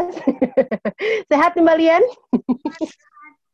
ya, oke. Okay. Mbak Lian ini adalah uh, seorang aktivis perempuan dan perdamaian. Beliau adalah pendiri Sekolah Perempuan dan Institut Mosintowo untuk Perempuan Lintas Agama di Kabupaten Poso. Institut uh, Mosintowo ini menitik beratkan programnya pada meningkatkan kesadaran gender, agama, toleransi, dan perdamaian. Nah, Mbak Lian juga pada tahun 2012 mendapatkan penghargaan COSIS Prize dari Yayasan COSIS Asal, Asal Amerika untuk mengembangkan dialog serta perdamaian antar agama dan keyakinan. Wah, keren banget nih Mbak. Wow, keren banget. ya, terus juga di 2015 Mbak Lian juga menerima penghargaan Indonesia Woman of Change ya Mbak dari Kedutaan Besar Amerika untuk Indonesia Indonesia dan penghargaan ini atas usaha uh, Mbak Lian dan kawan-kawan untuk meningkatkan kesetaraan gender di Indonesia. Apa sih topik yang akan diangkat? Uh, perempuan temanya adalah perempuan penggerak perdamaian di daerah konflik. Tanpa berpanjang lebar nih Mbak, uh, uh, kepada yang terhormat Mbak Lian Gogali, dipersilahkan. Terima kasih banyak uh, Kak Eta untuk kesempatannya juga buat teman-teman generasi literat yang sudah mengundang saya untuk menjadi bagian dari diskusi yang sangat menginspirasi dan saya yakin bisa membantu kita semuanya bukan cuma, cuma generasi muda menjadikan Indonesia lebih baik uh, dalam upaya-upaya perdamaian ke depan. Salam kenal buat semuanya. Uh, saya Lian Gogali dari Poso. Saya mohon izin untuk um, share screen ya untuk uh, bisa berbagi beberapa informasi terkait dengan topik yang diberikan panitia ke saya berkaitan dengan perempuan penggerak perdamaian. Apa yang akan saya ceritakan ini berdasarkan uh, pengamatan pengalaman bersama dengan para perempuan yang ada di Kabupaten Poso. Uh, sejak tahun 2000 sejak tahun 2000 2002 khususnya saya melakukan wawancara ke wilayah-wilayah pengungsian mewawancarai ratusan perempuan dan anak-anak di pengungsian selama konflik uh, Poso dan menemukan, melihat, mengamati beragam dan lapisan kekerasan yang dialami oleh perempuan. Macam-macam bentuknya, mulai dari kekerasan seksual, KDRT, diskriminasi dan stigmatisasi, Bahkan kemudian dalam catatan yang disampaikan dan dalam diskusi kami bersama-sama dengan KPK PST, salah satu organisasi perempuan yang saat itu di Kabupaten Poso perempuan menemukan dan menyebutkan bahwa ada sekitar 3.800-an lebih perempuan yang mengalami kasus kehamilan tidak diinginkan dan juga kasus perkosaan serta uh, kekerasan seksual.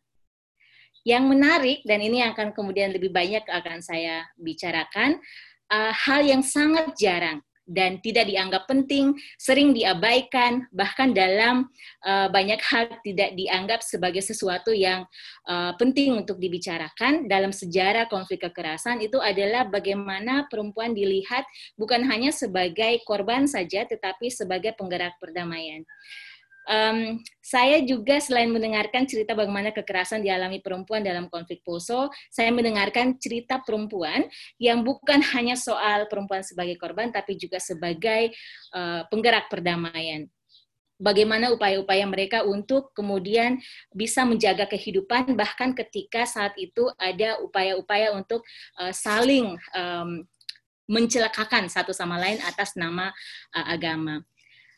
Uh, Pertama, ada beberapa cerita misalnya seorang uh, sekelompok perempuan Kristen yang memberikan bahan makanan untuk kelompok Islam di pengungsian saat mereka bertemu karena mereka kenal saat bekerja bersama-sama di pasar pasar Poso waktu itu. Lalu ada kelompok perempuan Islam yang melindungi perempuan Kristen saat akan dibunuh oleh kelompok um, uh, yang menamakan dirinya Muslim dari luar dan mereka melindungi kelompok perempuan Kristen ini dengan menyembunyikannya di masjid dan memberikan jilbab sehingga sampai sekarang mereka kemudian masih hidup. Tapi kisah yang juga saya ingin ceritakan dan ini juga sangat sering eh, terjadi di, di Poso adalah kisah tentang Ibu Sarino. Ibu Sarino ini adalah seorang, seorang penjual ikan yang selalu berjalan keliling di Kabupaten Poso bahkan sebelum konflik dengan berjualan ikan. Ibu Sarino sering mengunjungi keluarga-keluarga Kristen uh, dan kemudian ini yang menjadi uh, modal beliau untuk kemudian menjadi salah satu penggerak perdamaian. Tahun 2000 itu di Poso masih terjadi konflik kekerasan, bahkan bom, penculikan, penembakan misterius, orang hilang tiba-tiba, dan seterusnya. Tapi Ibu Sarino, untuk uh, kepentingan uh, ekonomi bisa menghidupi menghidupi keluarganya itu bersikeras untuk kemudian berjualan berjualan ikan dan uh, memikirkan bahwa pasti ada keluarga-keluarga Kristen di desa-desa yang saya akan ya biasanya Ibu Sarino uh, pergi uh, sebelum konflik itu yang membutuhkan ikan dan pasti dia akan mereka akan melindungi Ibu Ibu Sarino. Berdasarkan keyakinan inilah kemudian Ibu Sarino berjalan kaki lebih dari 20 km untuk Eh, ke desa-desa mulai dari pukul 5 subuh waktu itu. Dan yang menarik, singkat cerita, tentu saja uh, untuk banyak orang sangat jarang ada orang yang berjalan kaki jualan ikan di uh, bakul seperti itu dalam konteks uh, konflik waktu itu.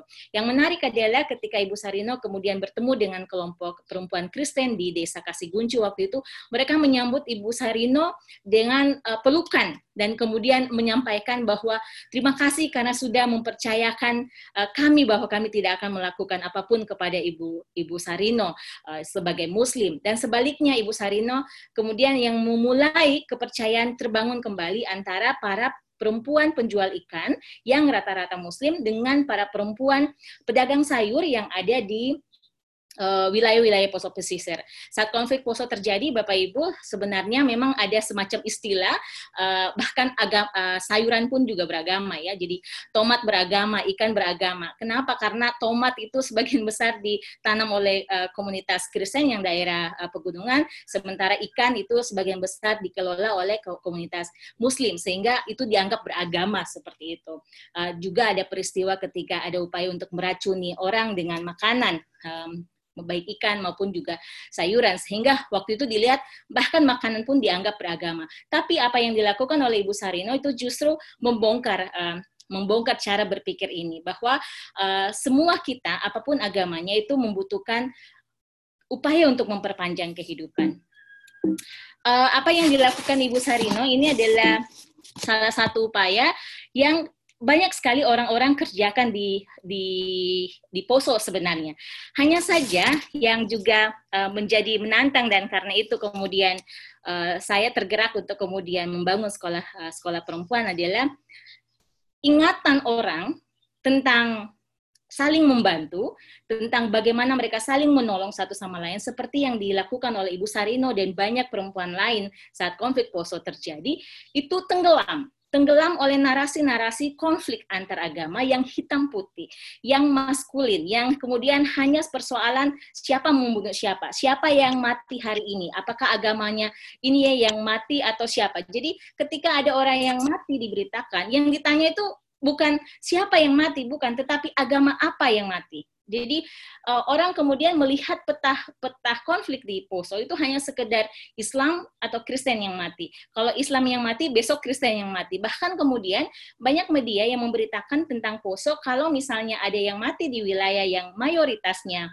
uh, Kristen, maka dianggap bahwa itu yang bunuh pasti yang Kristen. Begitu juga sebaliknya. Kalau ada yang mati di wilayah Muslim, maka dianggap yang bunuh pasti orang Muslim. Sangat hitam putih. Akhirnya cerita-cerita yang tadi saya sempat uh, sebutkan tentang bagaimana mereka saling menolong, uh, menyelamatkan kehidupan dan seterusnya itu disesuaikan oleh narasi kolektif, oleh ingatan-ingatan yang disampaikan oleh media massa, yang ditawarkan bahwa tidak, kita itu bahkan tidak saling membantu, bahwa yang kita lakukan selama konflik hanya saling membunuh atau hanya saling uh, mencelakakan. Nah, ini juga yang dialami oleh salah satunya adalah Ibu Ibu Martince. Jadi uh, saya mau cerita dulu tiga kisah perempuan yang uh, yang kemudian menjadi bagian dari bagaimana kita melihat cerita-cerita ini perlu untuk kemudian digali, perlu untuk menjadi narasi kolektif masyarakat sehingga Poso itu tidak dilihat hanya sejak tahun 98, tapi Poso itu dilihat sejak saat uh, berdirinya, uh, sejak komunitas-komunitas saling membantu dan saling menghidupi satu sama lain di sini. Ibu Martinja seorang Kristen, uh, dia um, hampir di hampir dibunuh beberapa kali, rumahnya dibakar tiga kali. Jadi setelah mengungsi, pulang lagi rumahnya dibakar, membangun, lalu kemudian dibakar lagi dan seterusnya dan seterusnya. Uh, Ibu Martince sebagai orang yang kemudian mengalami itu meskipun juga tak pernah punya pengalaman menolong orang lain yang beragama Islam dan atau orang Islam menolong Ibu Martince, tapi pengalaman itu kemudian menjadi pengalaman yang lebih dominan untuk diingat dan diwariskan kemudian. Um, kemudian uh, Ibu Martinus sangat benci kalau misalnya lihat dulu kalau lihat orang jilbaban itu udah trauma, gemetar seluruh badannya sambil mengingat semua peristiwa-peristiwa hanya peristiwa saling mencelakakan itu. Semua ingatan tentang bagaimana saling menolong itu kemudian uh, dihilangkan.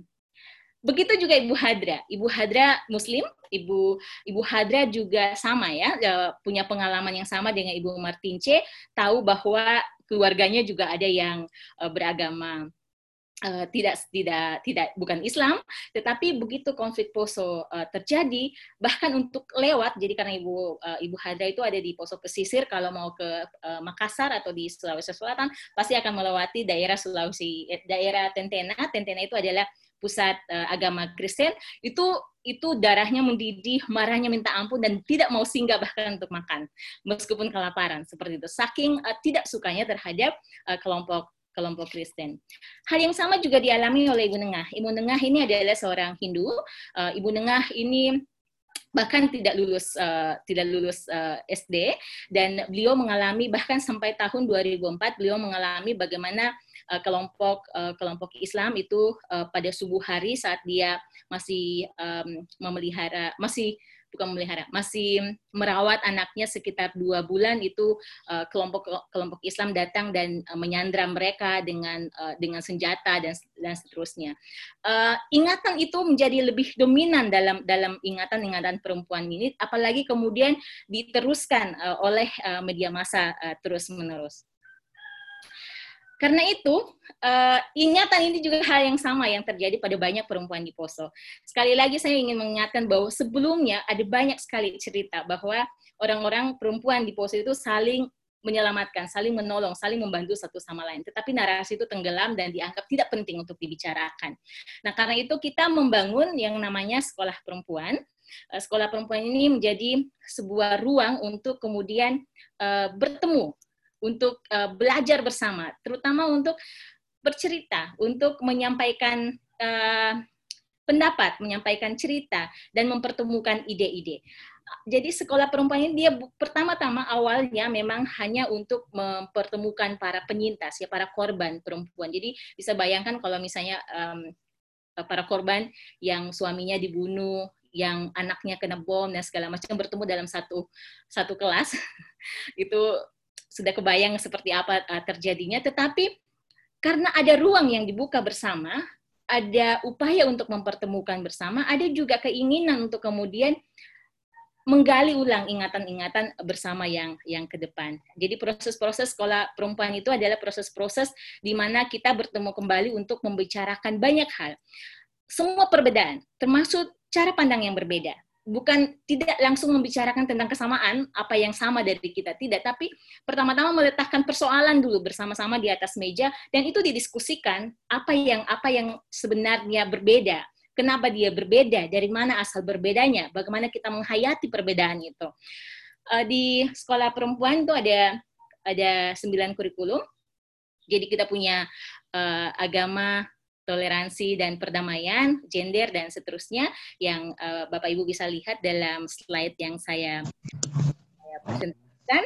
Tapi yang paling penting adalah salah satu ruang yang dibentuk di sekolah perempuan itu adalah ruang bertemu dan saling berkunjung. Ruang bertemu dan saling berkunjung ini terutama ketika kemudian yang Muslim bisa mengunjungi gereja, yang Kristen bisa mengunjungi masjid, yang Muslim yang mengunjungi pura. Kenapa ini penting? Narasi-narasi yang selama ini dibangun di media massa, termasuk juga yang disampaikan oleh orang-orang, itu adalah narasi yang yang sangat subjektif tentang agama lain. Jadi yang Islam diceritakan yang keburukannya, yang Kristen diceritakan oleh keburukan. Belum lagi ditambah dengan pengalaman konflik yang akan mempertajam luka atau ingatan yang buruk tentang agama yang lain. Uh, jadi ketika saling berkunjung, misalnya yang Islam berkunjung ke gereja, di, mereka semua diberikan kesempatan untuk bertanya. Jadi semua orang bisa bertanya. Misalnya pertanyaan yang paling sering muncul dan uh, sangat seru untuk didiskusikan biasanya di kelas sekolah perempuan itu adalah um, kenapa Kristen agamanya eh Tuhannya tidak tiga? Kenapa ada uh, apa Yesus, Roh Kudus, Allah Bapa, Allah Putra, Allah, Allah Roh Kudus kayak gitu kira-kira? Atau kenapa ada Maria, uh, Bunda Maria? Kena, lalu kemudian ditanya perbedaan antara uh, Islam dengan dengan dengan eh, maaf antara Protestan dengan dengan uh, Katolik dan seterusnya. Tapi juga ketika orang Kristen berkunjung ke masjid, pertanyaan yang paling sering muncul itu adalah apa itu jihad? Kenapa orang dibolehkan membunuh? Apa itu halal haram? Kenapa orang harus makan yang ini dan tidak boleh makan yang ini? Semua itu itu diberikan kesempatan kepada uh, semua orang untuk membicarakan tentang perbedaan dan cara pikir mereka terhadap agama lain dan itu yang dikonfirmasi, diklarifikasi, didiskusikan. Dan itu ruang yang terbuka untuk kemudian bukan berdebat ya, tetapi untuk menjernihkan cara berpikir tentang tentang agama lain. Sama dengan kalau pura itu pasti pertanyaannya adalah ini kita lagi menyembah batu, eh menyembah kalau pura itu menyembah batu atau gimana kayak gitu. Jadi uh, itu pertanyaan-pertanyaan menarik yang sering kali muncul dan ruang itu menjadi ruang pertemuan pertama yang langsung berkaitan dengan keyakinan. Uh, yang kemudian memberikan kesempatan untuk membuka cara berpikir baru tentang apa yang berbeda, bukan hanya pengalaman sehari-hari, tapi justru berkaitan dengan iman, uh, berkaitan dengan uh, keyakinan. Uh, tentu saja karena ini perempuan semuanya yang berkumpul di sekolah perempuan, ruang yang juga dibuka di sekolah perempuan adalah ruang bercerita uh, ada banyak hal yang terjadi biasanya karena perempuan itu jarang sekali diberikan kesempatan untuk memberikan pendapat, memberikan cerita, atau kadang-kadang kalau lagi ngobrol itu dipotong gitu, dianggap tidak penting untuk didengarkan. Uh, tapi di sekolah perempuan kita saling mendengarkan, kita saling saling mendukung satu sama lain. Uh, kadang-kadang metode teater itu kita pakai untuk kemudian orang bercerita tentang apa yang dihadapinya dan kemudian kita uh, saling membantu sama satu sama lain. Yang berikutnya adalah kalau misalnya uh, perbedaan sudah dibicarakan, bukan hanya persamaan. Lalu kita kemudian membangun kepercayaan satu sama lain tentang bahwa saling mencelakakan. Penting sekali untuk kemudian membangun ruang bekerja sama. Jadi ketika ada uh, kami pada tahun-tahun 2006, 2010 itu ada semacam dalam tanda kutip larangan untuk keluar dari rumah pada pukul 6 sore, lalu kemudian ada peristiwa bom, bunuh diri dan seterusnya. Ke perempuan muslim, perempuan Kristen itu berinisiatif untuk kemudian datang dan dan melakukan aksi bahwa itu bukan atas nama agama. Itu adalah orang-orang yang tidak bertanggung jawab dan muslim dan Kristen bersatu padu untuk mengatakan bahwa kami ini ingin damai. Dan kami ini bergandengan tangan untuk memastikan bahwa Poso itu damai. Poso itu uh, orang-orangnya ingin damai dan orang-orangnya sedang bekerja untuk untuk perdamaian.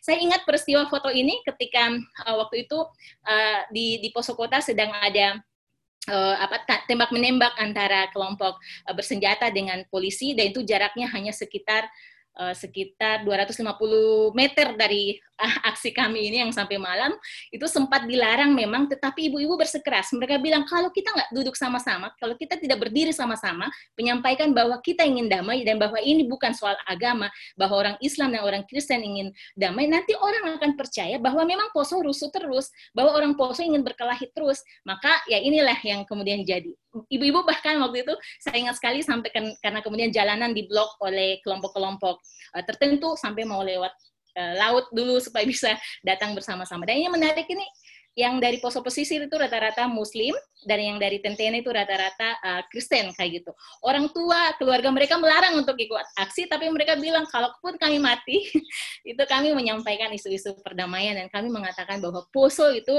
uh, adalah orang-orang yang ingin uh, menyuarakan perdamaian.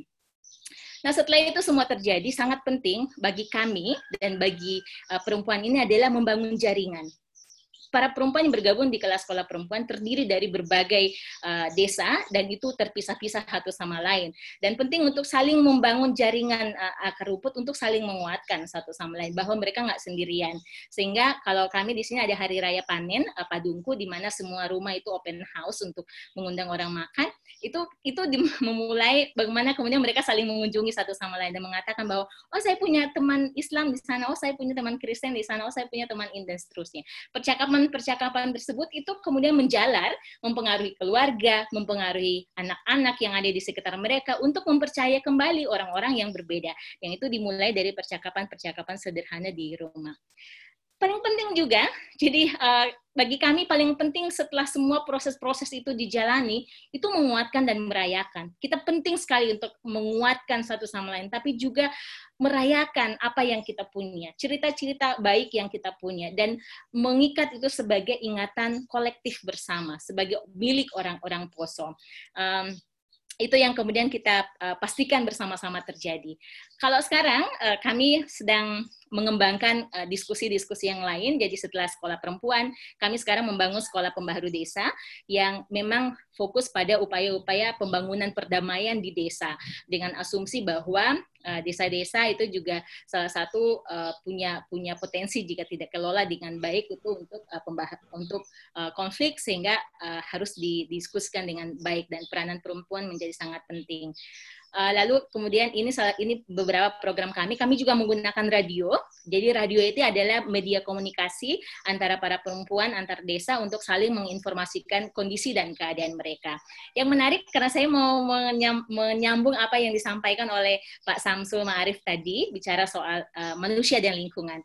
Kami mengembangkan apa yang kami sebut dengan ekonomi solidaritas kami uh, tidak terlalu sepakat dalam tanda kutip dengan istilah ekonomi kreatif uh, karena kami merasa bahwa manusia mengambil banyak dari alam yang di sekitar mereka tapi tidak bersolidaritas pada alam yang dieksploitasinya.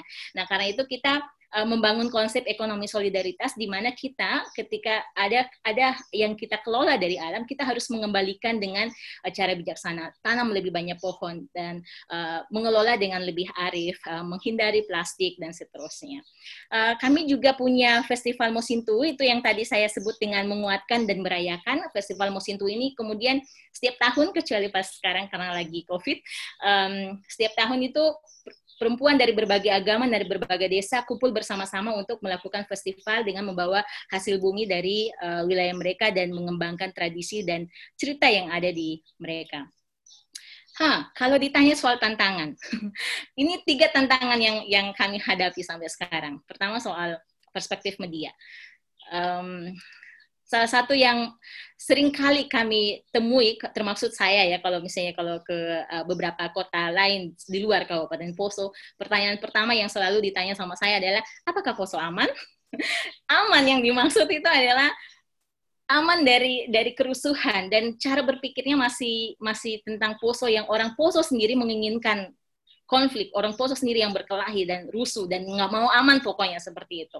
Begitu juga ketika media menceritakan tentang Poso. Lebih banyak kalau misalnya peristiwanya adalah bad news is a good news. Jadi semua peristiwa-peristiwa buruk yang terjadi di Poso kalau udah ada penembakan, kalau udah ada uh, peristiwa uh, apa namanya bom itu kemudian menjadi orang semua langsung arahkan ke Poso. Demikian juga sama, sama ya ketika kalau ada peristiwa bom di mana pun tuh kadang-kadang orang suka nunjuk-nunjuk oh sebentar ini dari Poso dia pernah di Poso dulu seperti itu kira-kira dikaitkan seakan-akan ya Poso itu udah cuma itu aja yang bisa diceritakan yaitu konfliknya sehingga narasi bicarakan tadi itu dilupakan dan tidak dianggap penting.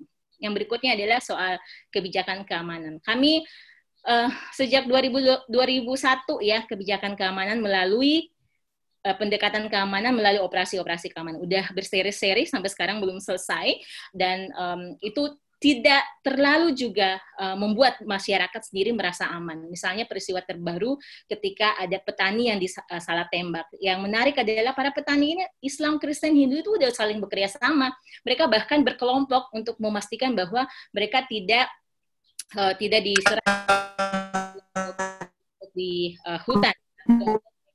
Uh, ya tetap saja mengalaminya. Yang berikutnya kelompok terorisme yang kelompok-kelompok yang masih membenarkan kekerasan untuk mencapai kekuasaan. Begitu dulu mungkin uh, cerita yang saya bisa sharing dan bisa bagikan di di kesempatan hari ini. Semoga berguna. Terima kasih banyak Kak Eta. Terima kasih banyak Mbak Lian. Wah, luar biasa. Aku sangat-sangat inspiratif sekali. Bisa reaction dulu, kawan-kawan? Wah, luar biasa. Oke, tadi ceritanya menarik banget ya, uh, Mbak Lian. Uh, ada ti ada beberapa perempuan yang memang uh, gara-gara narasi yang melihatnya narasi pada uh, apa pada konflik tetapi untuk yang cerita-cerita baiknya jadi tenggelam kayak gitu itu mungkin uh, jadi bisa refleksi juga ya ternyata memang uh, adanya ruang bertemu adanya orang uh, berkunjung gitu kan untuk menjernihkan sebenarnya cara berpikirnya sesama perempuan Poso. Ih keren banget sumpah. Ini jangan lupa ya nanti kawan-kawan berikan per, apa pertanyaan terbaikmu untuk narasumber semuanya. Nah, yang ketiga selanjutnya saya akan uh, coba mengundang Bunda Musdah Mulia. Halo Bunda. Halo. Oh, Alhamdulillah sudah ada ya Bunda ya. Oke. Okay. Ya. Nah, Bunda uh, adalah narasumber kita yang ketiga. Beliau adalah seorang aktivis perempuan, peneliti, konselor, dan penulis di bidang keagamaan Islam di Indonesia nih.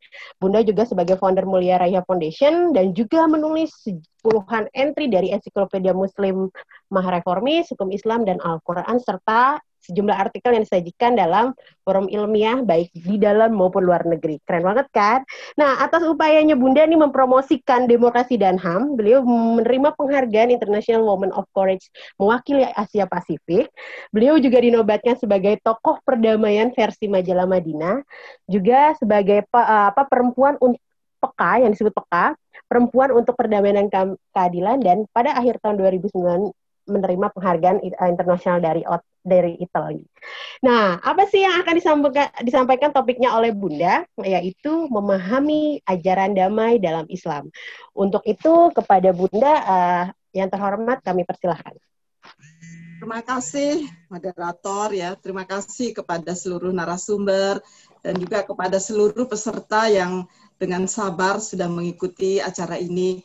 Jadi saya pertama-tama mengapresiasi betul nih ya teman-teman dari generasi literat Ya, jadi kami uh, bekerja sama dengan Yayasan uh, Mulia Raya Foundation atau juga Muslimah Reformis Foundation. Kenapa yang seperti ini perlu dibicarakan atau dinarasikan terus menerus? Jadi apa yang disampaikan oleh uh, apa teman-teman uh, yang tadi itu itu sesuatu yang nggak sesuatu yang nggak familiar loh yang disampaikan uh, tentang tentang masyarakat adat ya tentang masyarakat poso itu kan sesuatu yang tidak populer ya di dalam masyarakat kita. Bahkan banyak yang nggak banyak yang nggak ngerti apa sih sekolah perempuan di Poso itu ya. Apa sih masyarakat adat itu? Karena saya tuh senang sekali dengan uh, tema hari ini bagaimana kita me membangun ya literasi tapi juga literasi perdamaian.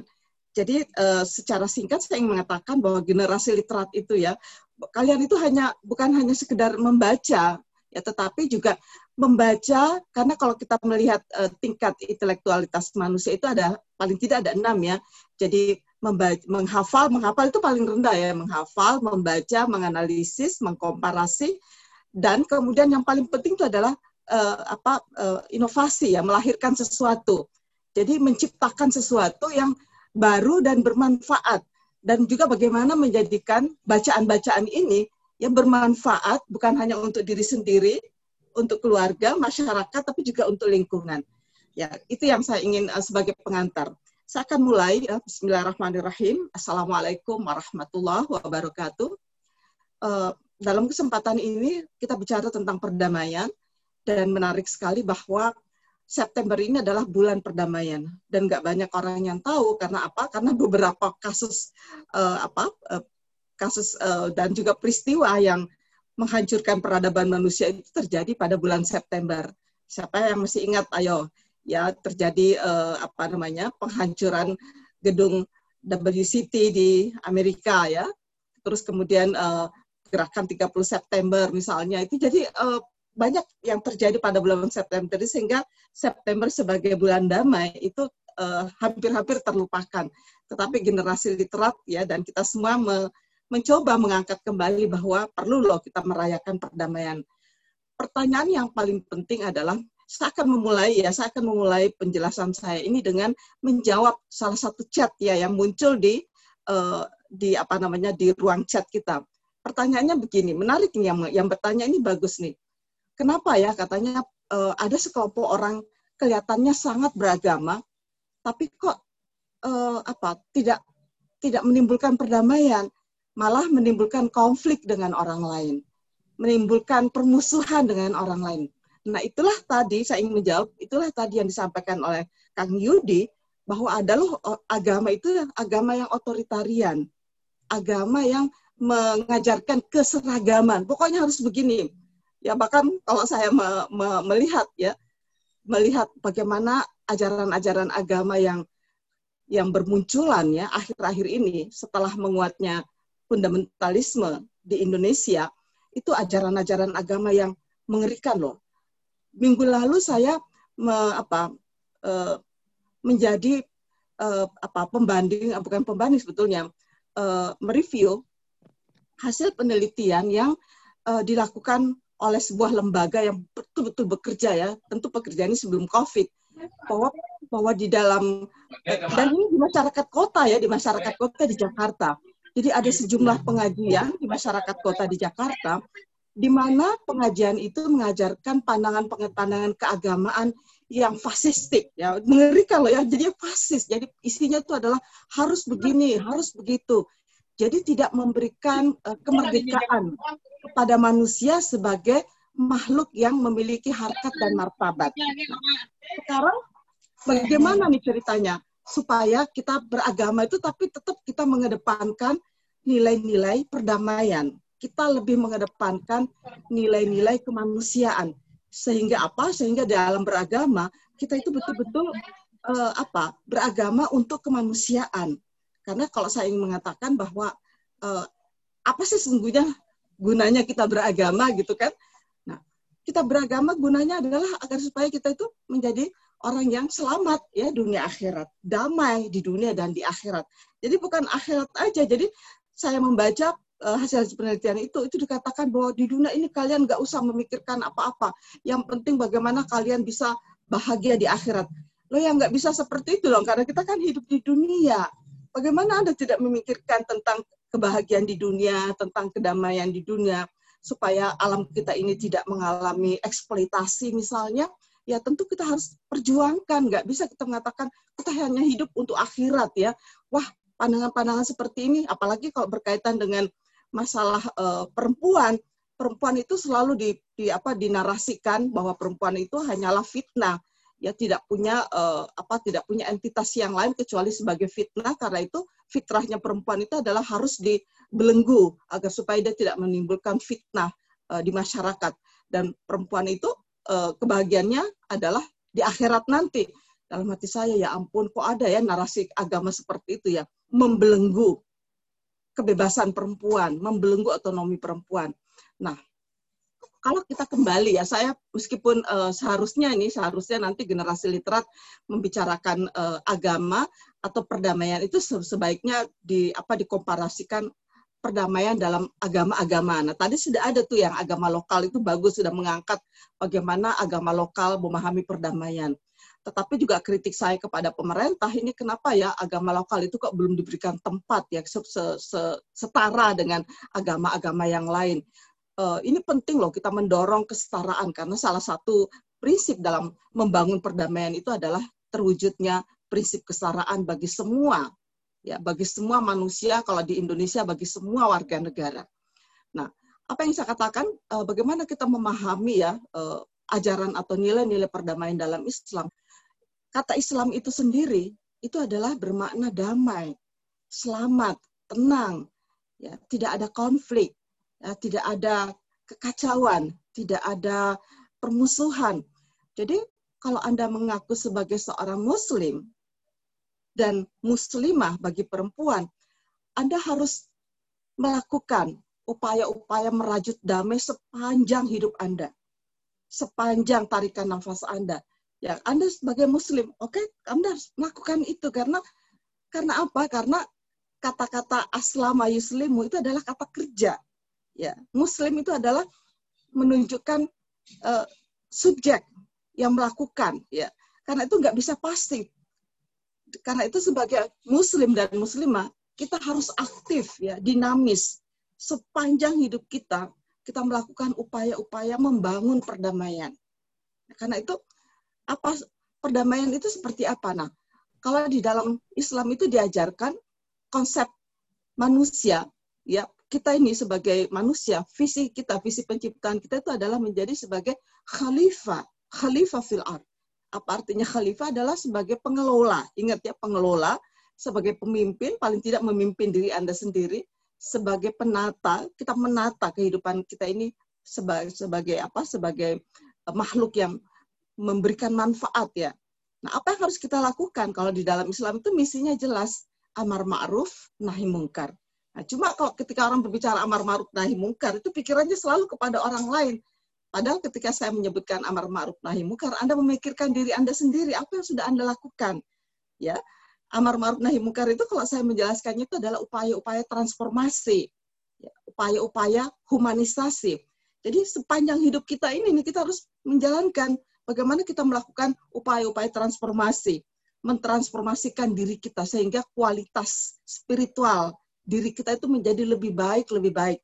Seharusnya semakin orang beragama, itu kualitas spiritualitas dirinya itu menjadi lebih lebih berkembang ya. Bukan menjadi bukan malah jadi tertutup ya eksklusif lalu kemudian tidak apa intoleran. Ini aneh loh kalau di Indonesia itu orang semakin beragama tapi semakin intoleran semakin eksklusif semakin tidak terbuka ya dan semakin mengurung diri untuk bergaul dan berbaur dengan sesamanya manusia. Ini aneh banget ini. Menurut saya ini sesuatu yang keliru dalam beragama tapi pandangan-pandangan yang seperti ini, pandangan-pandangan yang eksklusif seperti ini, bukan hanya terjadi di Islam loh. Pada agama-agama lain juga ada kelompok-kelompok yang beragama tapi sangat eksklusif. Ya melihat orang lainnya itu sebagai musuh. Ini kan aneh ya orang seperti ini. Nah karena itu menurut saya, bagaimana kita menarasikan kembali, mewacanakan kembali karena ini penting sekali kita merebut tafsir ya istilahnya Mbak Lis itu merebut tafsir karena tafsir yang disosialisasikan yang mainstream di masyarakat kita ada pandangan yang seperti saya katakan tadi sudah eksklusif, intoleran, tidak terbuka dan me, apa e, mendorong kepada timbulnya konflik. Bagaimana nggak konflik? Semua orang harus diseragamkan, ya nggak bisa seperti itu. Ya, jilbab harus diseragamkan. Kalau nggak seragam dianggap bukan jilbab syari. Udah gitu lalu menganggap bahwa yang tidak sama dengan seperti yang tidak sama dengan dia misalnya itu dianggap kafir lah, dianggap sesat lah. Kenapa kelompok-kelompok uh, agama adat itu tidak pernah mendapatkan tempat di republik ini ya karena kelompok-kelompok ini selalu menganggap kelompok-kelompok itu sebagai primitif lah, sesat lah, musyrik lah ya. Karena itu pandangan-pandangan label-label seperti ini dan label-label yang sebenarnya seharusnya tidak disampaikan oleh seorang yang mengaku beragama. Karena itu kalau Anda betul-betul muslim dan muslimah, saya selalu mengatakan, Anda yang Anda lakukan dalam sepanjang hidup Anda itu adalah merajut damai. Nah, pertanyaannya kemudian, apa sih prinsip-prinsip damai itu seperti apa? Tidak ada perdamaiannya, ada lima, paling tidak ada lima prinsip yang harus kita bangun ketika kita ingin membangun perdamaian. Yang pertama itu adalah, pertama adalah prinsip ya penghargaan terhadap semua manusia Ini yang penting loh kita sampaikan kepada anak-anak kita, kepada keluarga kita, bahwa siapa pun dia, selama dia berwujud manusia, maka dia adalah makhluk yang ciptakan Tuhan dengan harkat dan martabat. Nah, pentingnya kita menghargai manusia, bahwa manusia itu adalah makhluk Tuhan yang diciptakan dengan harkat dan martabat. Apa pun agama dan kepercayaannya. Jadi kalau bertemu dengan seorang manusia, jangan melihat agamanya, jangan melihat kepercayaannya, jangan melihat gendernya, ya, jangan melihat rasnya, jangan tetapi lihat kemanusiaannya, entitas kemanusiaannya. Dia adalah manusia, kita hormati dulu. Jangan lihat, nah di kita nih ya, abilitasnya juga penting.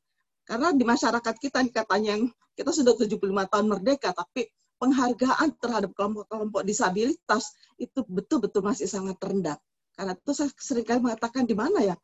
Katanya kita beragama, tapi kok kita tidak menghargai kelompok-kelompok disabilitas? Di mana agama kalian? Nah, katanya Anda beragama, tapi kan masih saja terjadi kasus-kasus KDRT misalnya, kasus-kasus kekerasan. Pertanyaan saya, agamamu ada di mana? Kok bisa ya terjadi kekerasan? Karena itu mari kita benar-benar beragama dengan benar, karena seluruh inti agama itu adalah membangun damai. Nah, damai itu pertama itu adalah adanya penghargaan penghargaan terhadap sesama manusia. Siapa pun dia, apa pun dia. Kalau dia berdosa, itu bukan urusan kita, urusan dia dan Tuhannya. Ya paling Anda bisa menyampaikan, eh kamu itu berdosa. Ingat ya bahwa hidup itu bukan hanya di dunia, karena itu jangan Anda bikin, bikin terlalu banyak dosa. Tapi Anda tidak bisa menjudge, tidak bisa menghakimi. Karena sebagai manusia dalam dalam dalam konsepsi Islam itu Anda nggak punya nggak punya uh, mandat ya untuk menjudge bahwa oh ini soleh, ini benar, ini salah, ya ini sesat, ini murtad. No, Tuhan tidak pernah memberikan mandat kepada kita untuk memberikan penilaian atau menjudge. Yang penting bisa, yang paling-paling bisa kita lakukan adalah adalah menyampaikan dakwah. Itu pun dengan cara-cara yang santun. Karena itu di dalam Islam dikatakan ud'u ya ila sabili rabbika bil hikmah dengan cara-cara hikmah. Wal mau'izatil hasanah dengan nasihat-nasihat yang baik Kalaupun akan berdebat, wajadilhum bilatihi ahsan. Kalaupun harus berdebat dengan mereka, berdebatlah dengan cara-cara yang ahsan. Apa itu ahsan? Dengan mengedepankan sikap-sikap yang santun, sikap-sikap yang menghargai, sikap-sikap yang penuh dengan kedamaian. Menarik kan kalau kita melihat, jadi nggak seperti kita nih maksa-maksa. Bahkan kadang-kadang saya suka heran ya mendengarkan ceramah bukan hanya di Islam nih, di Kristen, di mana-mana sama aja sih. ya Ceramah-ceramah kok isinya kok maki-maki gitu ya isinya kok malah me menjelek-jelekan orang lain, menjelek-jelekan kelompok lain. Dalam hati saya, wah ini sih bukan bukan dakwah, ini sih provokasi ya. Karena itu mari kita saling mengingatkan bahwa yang namanya dakwah itu pasti bahasanya itu santun, ya tidak menyebut kejelekan orang lain dan sebagainya. Nah, prinsip yang kedua di dalam membangun damai, apa sih perdamaian itu kan banyak mengatakan, ah kita membangun damai. Kamu ngerti nggak apa yang dimaksud dengan damai? Yang kedua adalah prinsip kesetaraan nggak mungkin ada perdamaian kalau kesetaraan itu tidak terbangun. Jadi apalagi di dalam rumah tangga nih, kalau antara kesetaraan antara suami istri nggak terbangun, mau, mau jadi damai, sorry ya, damai buat siapa? Ya, karena perdamaian itu nggak bisa kalau di dalamnya ada unsur dominasi, ada di dalamnya unsur diskriminasi, ada unsur eksploitasi, apalagi ada unsur despotik gitu ya, tiranik gitu ah, udah deh nggak bisa. Karena itu di dalam keluarga saja nih dalam unit terkecil dalam masyarakat kita, kalau ada orang di dalam keluarga itu yang yang mengambil sikap uh, atau posisi yang dominan, pasti ya mungkin mungkin orang di dalam keluarga itu kelihatannya tenang-tenang saja ya karena mereka nggak mau ribut barangkali, tapi jangan dikira bahwa mereka itu merasa damai. Ya pasti di dalam itu ada rasa ketakutan ya seperti menghadapi uh, apa ya menghadapi pemimpin yang otoriter. Ya kita mungkin tunduk-tunduk gitu ya tetapi hati kita kan bergolak. Ini apaan sih ya kehidupan apa seperti ini? Yang ada tuh pemaksaan. Nah tetapi kalau di dalam agama ini pinter nggak apa-apa. Kamu tuh ya tenang aja ya kalau kamu tunduk ya kalau kamu itu ber, ber, mengambil sikap sami'na wa anak kamu itu akan masuk surga. Jadi kita di di apa di uh, dinarasikan dengan surga dininabobokan dengan surga untuk ya untuk supaya kita bisa menerima ya ketidaksetaraan itu sebagai bagian dari sebuah kodrat. Ini kan sebuah pembodohan sebetulnya.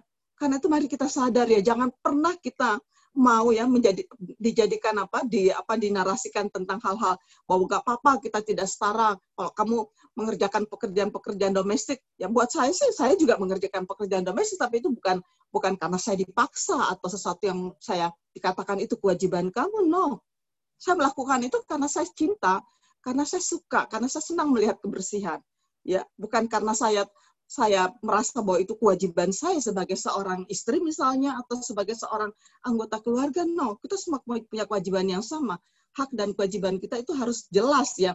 Karena itu dalam konsep ketatanegaraan hak dan kewajiban warga negara itu harus jelas. Nah, saya pikir juga generasi literat ini pentingnya saat kapan-kapan membuat webinar tentang apa sih sebetulnya prinsip-prinsip dasar dalam kehidupan keluarga negaraan. Ini yang paling banyak tidak diketahui karena rata-rata kita tuh jarang membaca konstitusi. Begitu jelaskan, oh ternyata saya sebagai warga negara punya atau hak. Ya, pengelola negara kadang-kadang lupa nih karena karena apa? Karena warga negaranya ya seperti kebanyakan kita nggak pernah mau baca konstitusi, jadi beginilah.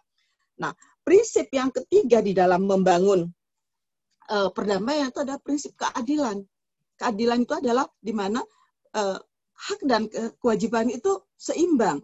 Jadi bukan haknya saja atau kewajibannya saja, tetapi sebagai warga negara, sebagai individu, ya sebagai anggota keluarga, ya kita selalu memperhatikan hak-hak kita itu apa, kewajiban-kewajiban kita itu apa. Jadi jangan hanya menuntut hak tapi melupakan kewajiban atau sebaliknya. Karena itu kalau Anda kami juga sedang apa ya, kami sedang memperjuangkan uh, apa RUU rancangan undang-undang uh, apa uh, perlindungan terhadap pekerja rumah tangga. Nah, ini kan yang terjadi selama ini eksploitasi terhadap pekerja rumah tangga. Karena apa? Karena tidak ada undang-undang yang mengatur hak dan kewajiban mereka. Ya sebagian orang mengatakan, nah kami kan tidak perlu ada undang-undang karena kami sudah menganggap mereka sebagai bagian dari keluarga. Nah sikap-sikap yang seperti ini nih sumir, apa yang Anda maksud dengan bagian dari keluarga? Kalau keluarga kamu itu tidak punya hak, tidak apa namanya kamu anggap sebagai uh, orang yang bisa diperlakukan apa saja, wah gawat itu ya. Karena itu kita perlu ini memperjuangkan ya uh, apa kelompok-kelompok yang rentan, kelompok-kelompok yang di dalam Islam itu dikatakan kelompok yang mustadafin, ya kelompok yang sudah rentan, minoritas, dan tertindas lagi. Nah, yang keempat, ya prinsip yang keempat di dalam membangun damai itu adalah bagaimana kita memenuhi ya hak asasi manusia. Yang terutama itu adalah hak yang berkaitan dengan kepentingan dasar hidup mereka. Jadi ya berkaitan dengan hal-hal yang mendasar dalam kehidupannya, terutama yang berkaitan dengan kebutuhan-kebutuhan dasarnya. Karena itu kalau pemerintah atau siapa pun bicara tentang damai, sementara masyarakatnya lapar, anggota keluarganya lapar, wah itu nggak mungkin ya, bullshit ya kira-kira seperti itu. Karena itu kita harus memastikan kita bicara damai orang itu tidak lapar atau tidak, atau bagaimana. Kebutuhan-kebutuhan dasarnya terpenuhi atau tidak. Nah, yang kelima menurut saya membangun damai itu adalah uh, hak security-nya, hak keamanannya itu ada jaminan nggak? Dijamin nggak? Nah, karena itu saya pikir dalam konteks kita membangun damai di Indonesia, kita lihat aja kepada uh, preambul kemerdekaan kita, bahwa negara ini dibangun ya untuk tiga tujuan. Yang pertama adalah melindungi, ya, memberikan proteksi kepada warga negara. Apakah pemerintah sudah melakukan tugas-tugasnya? Negara sudah memberikan uh, apa, menjalankan kewajibannya. Ini kan penting bagi kita semua apakah negara sudah memberikan perlindungan kepada kelompok-kelompok minoritas ya agama adat atau agama lokal atau eh, masyarakat-masyarakat uh, adat atau kelompok-kelompok minoritas yang lain kelompok-kelompok disabilitas ya kelompok-kelompok penganut agama minoritas seperti agama seperti penganut uh, Ahmadiyah, penganut Syiah dan sebagainya yang ada kan mereka sudah minoritas malah dikerjain lagi ya dibullying lagi didiskriminasikan lagi di, di, direbut hak-haknya. Ini kan buat kita kan sesuatu yang bertentangan ya dengan esensi agama itu sendiri. Nah, yang kedua, eh, apakah apakah negara yang pertama tadi memberikan proteksi, yang kedua mencerdaskan kehidupan bangsa. Karena itu negara harus melakukan sekuat tenaga, semaksimal mungkin upaya-upaya me, apa meningkatkan kecerdasan bangsa. Nah, di sinilah generasi literat ini harus ber, harus fight nih, harus berjuang nih. Gimana nih pemerintah ini benar-benar nggak sih melakukan upaya-upaya pencerdasan? Jangan-jangan yang dilakukan melalui pendidikan itu justru justru membelenggu. Jadi pendidikannya itu bukannya mencerahkan, pendidikan yang memerdekakan manusia, pendidikan yang membuat manusia itu otonom. Jangan-jangan pendidikan kita membuat manusia itu menjadi intoleran karena kemarin itu kan beberapa hasil penelitian mengungkapkan loh kok dalam buku-buku pelajaran itu kok ada pandangan-pandangan yang intoleran ya pandangan-pandangan yang eksklusif karena inilah saya pikir generasi ini adalah bagian apa namanya uh, uh, apa uh, fokus ya ya dari generasi literat negara ini harus menjamin kecerdasan ya membangun kecerdasan uh, apa bangsa dan yang ketiga adalah kemas apa kesejahteraan karena itu negara harus berupaya untuk menghilangkan kemiskinan pengangguran, dan ketimpangan sosial lainnya. Kenapa? Karena karena selama ada masih banyak pengangguran, masih banyak kemiskinan, ketimpangan sosial, jangan jangan apa jangan bermimpi deh ada ada kedamaian ya di, akan terbangun di negara tercinta ini. Karena itu mari kita semua mengingatkan. Nah, di dalam konteks Islam, perdamaian itu seperti apa? Di contohkan dalam Rasulullah. Coba ya bayangkan kalau dalam Islam ya, kita bertemu kita mengucapkan assalamualaikum kedamaian untuk kamu. Nah, kita selama ini kan hanya sekedar lip apa uh, lip ser, apa lip service aja, hanya ucapan verbal semata aja. Padahal seharusnya kita mengucapkan assalamualaikum tuh dengan penuh apa ya ketulusan hati bahwa semoga kamu ya damai. Damai dalam arti kamu tidak mengalami diskriminasi, nggak mengalami eksploitasi, nggak mengalami hal-hal yang tadi diceritakan panjang lebar sama Kang Yudi, apa itu mengalami uh, penindasan fasistik gitu ya kan mengerikan sekali loh kalau saya membaca cerita di Eropa bagaimana uh, ketika Hitler berkuasa itu nauzubillah nggak boleh loh ada orang yang bersuara berbeda dengan uh, pandangan Nazi misalnya. Nah, nauzubillah. Jadi karena itu kita selalu assalamualaikum dalam arti itu sangat luas. Semoga kedamaian ya ada pada dirimu. Dia tidak kekurangan, tidak kelaparan, tidak dalam keadaan tertindas, tidak dalam kondisi dia tidak merdeka untuk menyatakan pandangannya, ya seperti itu. Karena itu assalamualaikum kata-kata itu menjadi sebuah uh, sebenarnya sebuah uh, apa ucapan yang sangat sangat bermakna ya di dalam kehidupan uh, kita sebagai uh, muslim. Bayangkan ya kalau di Islam itu setiap kita ya, kalau saya ingat betul dari pesantren dulu kita sudah diajarkan setiap kali habis sholat itu Allahumma antas salam ya wa minkas salam wa ilaika ya'udus salam wahayna robbana bisalam wa adkhilnal jannata daras salam ya. Jadi ya engkau lah yang maha damai ya Allah berilah kami kedamaian. Tuntunlah kami kepada jalan yang damai. Jadi doa ini bukan sekedar doa tetapi bagaimana kita betul-benar berserah diri kepada Allah supaya Allah itu memberikan kita petunjuk agar supaya kita tuh bisa hidup dengan cara-cara yang damai karena kalau kita hidupnya tuh enggak dengan cara-cara yang damai bagaimana kita akan melahirkan uh, apa memproduksi jasa, memproduksi hal-hal yang bermanfaat untuk kemanusiaan ya karena hidup kita kan tertindas. Kan hanya orang yang otonom, hanya orang yang merdeka, ya hanya orang yang apa yang memiliki um, kedamaian yang mampu menjadi manusia yang produktif ya. Nah, uh, selain itu juga kehidupan Rasul juga itu penuh loh kalau saya melihat bagaimana misalnya itu kasus uh, Hilful Fudul, ya kasus uh, apa namanya Piagam Madinah, ya nanti akan saya jelaskan kalau masih ada waktu bagaimana tentang uh, apa namanya uh, Fathu Makkah ya apa yang dilakukan oleh Rasul. Coba kalau anda membaca uh, Piagam Madinah itu kan isinya itu adalah lebih banyak menguntungkan kelompok-kelompok uh, non Muslim, tetapi kelapangan hati Rasulullah ya untuk membangun damai karena damai itu jauh lebih penting daripada perang perang itu tidak menyelesaikan masalah. Rasulullah itu mau loh ya menerima ya perjanjian uh, apa piagam Madinah itu agar supaya masyarakat-masyarakat yang beragam di Madinah itu bisa hidup secara damai dan harmonis.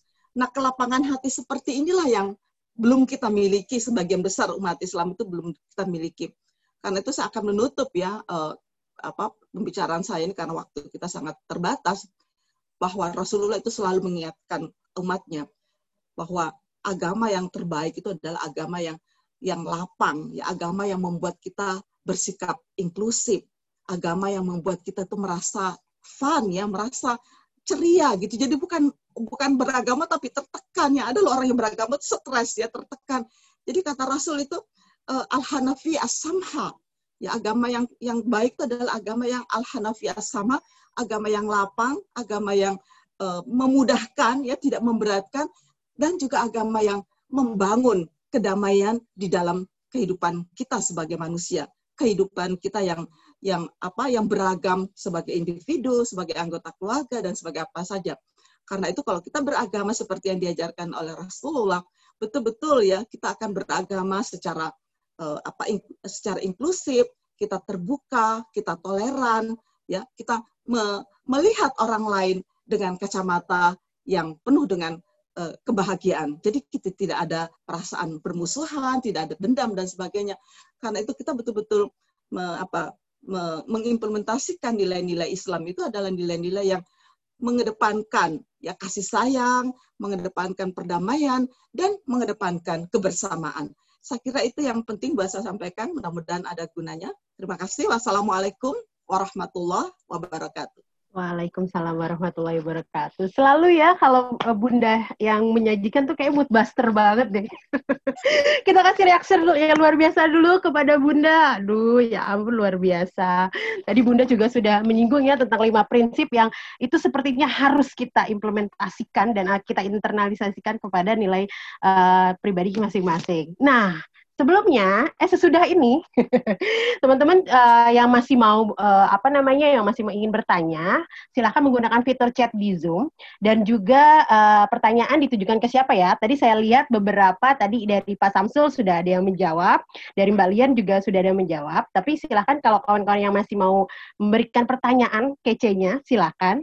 Tapi sebelum uh, para narasumber dan uh, para narasumber yang terhormat dan tadi Pak Yudi Latif menjawab beberapa pertanyaan saya akan mengajak kawan-kawan untuk menyaksikan dulu nih uh, apa tentang uh, video tentang literasi perdamaian dari berbagai perspektif.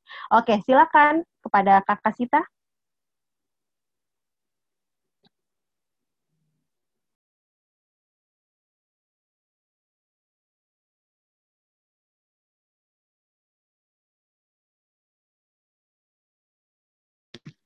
Belum ada suaranya Kakak Sita, boleh di-share suaranya?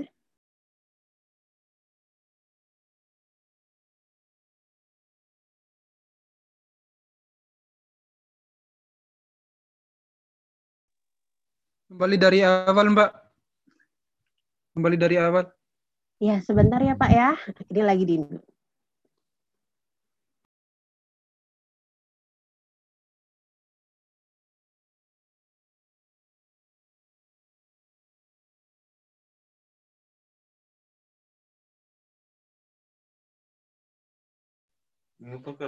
Atau gimana?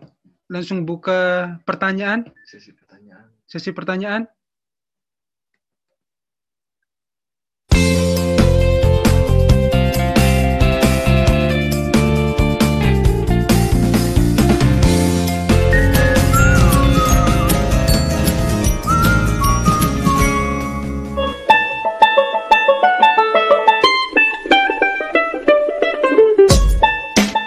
Jangan pernah negara yang indah ini yang dibangun dengan susah payah oleh para departing fathers and mothers kita itu hancur hanya karena kepentingan kepentingan jangka pendek dan hanya untuk kepentingan politik sementara. Karena itu mari kita menegaskan komitmen kita untuk menjaga ya Uh, mohon maaf tadi ada ini uh, saya yang share aja boleh ya Sit ya? Gimana Kakak Sita? Halo. Oke, oke Kak Eta. Sorry, sorry.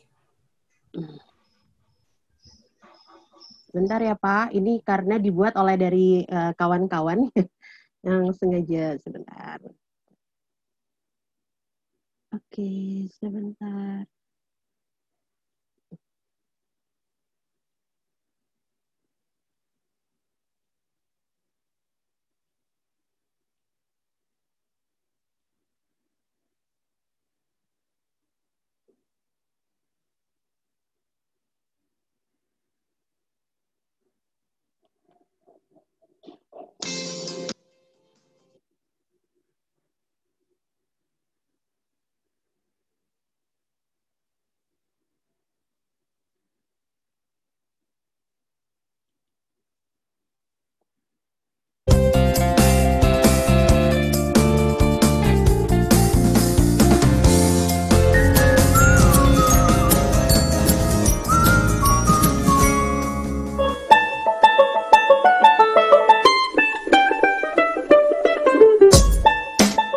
jangan pernah negara yang indah ini yang di dibangun dengan susah payah oleh para departing fathers and mothers kita itu hancur hanya karena kepentingan-kepentingan jangka pendek dan hanya untuk kepentingan politik sementara. Karena itu mari kita menegaskan komitmen kita untuk menjaga ya warisan dari para uh, the founding fathers and mothers kita Indonesia tercinta Indonesia yang jaya untuk menjadi negara yang hidup selama-lamanya dan menjadi negara yang terkemuka di dunia. Damai itu Indonesia. Damai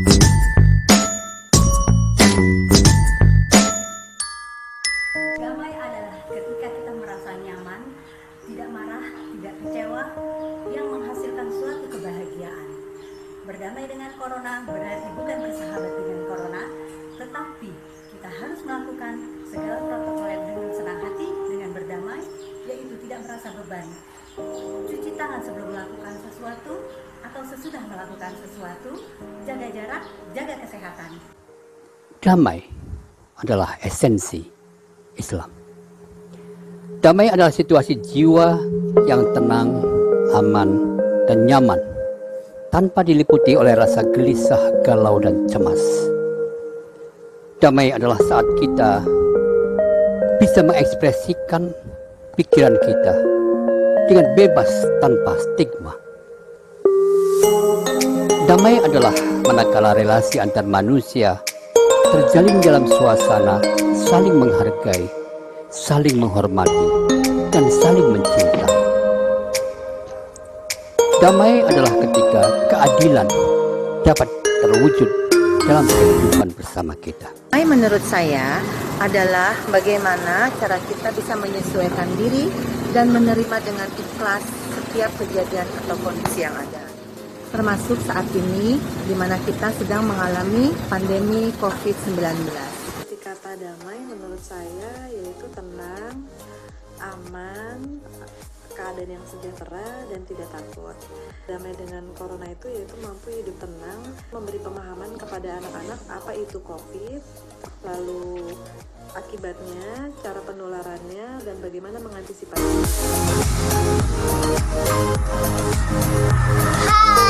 Nama aku Ijen. Menurut aku, damai itu keren. Kalau nggak damai, orang berantem-berantem. Harusnya teman-teman harus damai, nggak boleh berantem ya. Dadah! Arti damai menurut saya adalah hasil dari keselarasan antara tiga aspek, yaitu aspek kognitif, aspek afektif, dan juga aspek psikologis. Damai menurut saya adalah ada ketenangan dalam menjalankan ibadah sesuai dengan agamanya.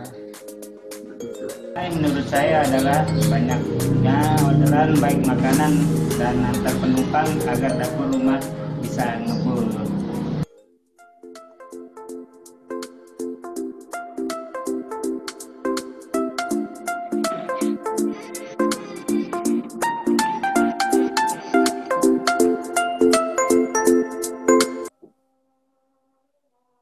Oke, itu dia tadi sekilas uh, video yang dibuat sangat-sangat sederhana tetapi menyentuh mungkin oleh kawan-kawan relawan generasi literat. Boleh Pak, Ibu dan kawan-kawan dikasih reaksinya lagi? Oke, nah uh, setelah ini uh, kita akan masuk ke, ke pertanyaan. Saya akan uh, mengurutkan pertanyaan yang pertama kali ya. Uh, halo, halo Pak Yudi, halo Pak. Assalamualaikum. Oh ya, waalaikumsalam. Halo, ya. Pak Yudi, ini tadi ada dua pertanyaan baik nih Pak dari Pak Ju, Pak Pujimin di Jakarta dan Pak Izudin di Medan. Um, Pak Mujim bilang uh, gimana ketika etika nasional dan atau bahkan global telah disepakati sebagai hasil kesadaran kebutuhan dasar bersama nih, tetapi tetap aja nih kelompok fasis memperjuangkan ideologinya. Dalam konteks ini apakah tindakan tepat Pak bagi seorang pemimpin? Dan yang pertanyaan kedua, bagaimana langkah membangun konektivitas perdamaian antar warga dan negara dengan negara, begitu pula dengan pejabat publik di tengah lautan informasi dengan segala problematika yang silih berganti. Persilakan Bapak.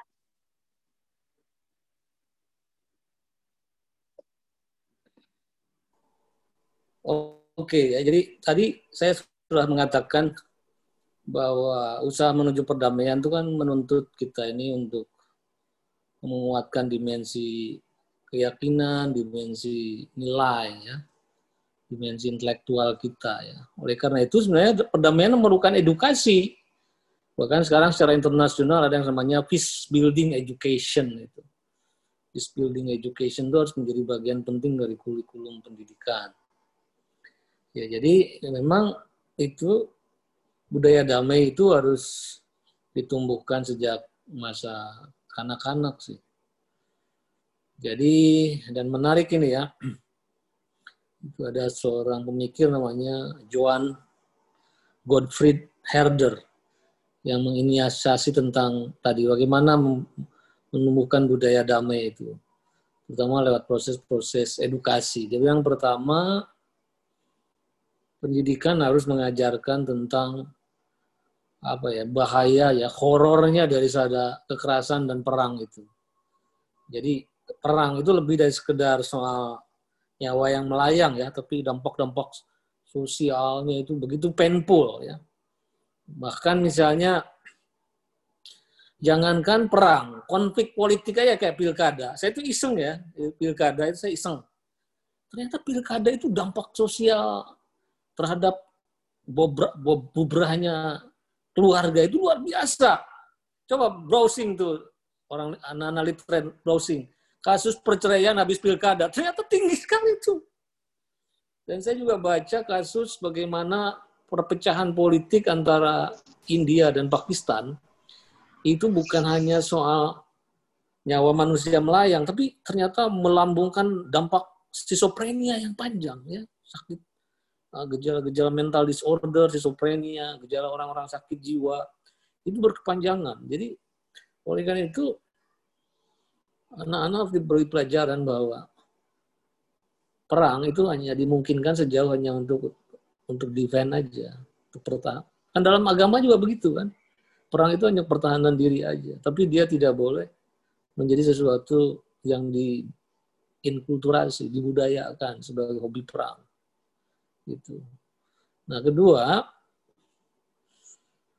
kita juga harus mengurangi apa yang disebut dengan glorifikasi, glorifikasi, respek yang berlebihan terhadap heroic glory.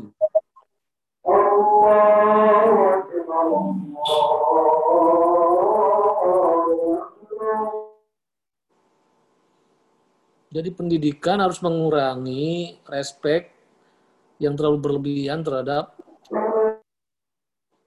dimutkan aja dong hmm. terhadap heroic glory terhadap kemenangan-kemenangan kependekaran gitu loh seperti Genghis Khan, Hitler, bahkan figur-figur kayak Gajah Mada gitu itu pendidikan harus mengurangi itu glorifikasi terhadap uh, kependekaran itu karena nanti ini kan laskar-laskar sekarang itu kan produk pembibitan dari masa pendidikan masa Jepang. Ketika pendidikan umum ditutup, yang dibudayakan oleh Jepang adalah paramilitary training. Itu yang melahirkan jejak-jejak laskar-laskar sampai hari ini.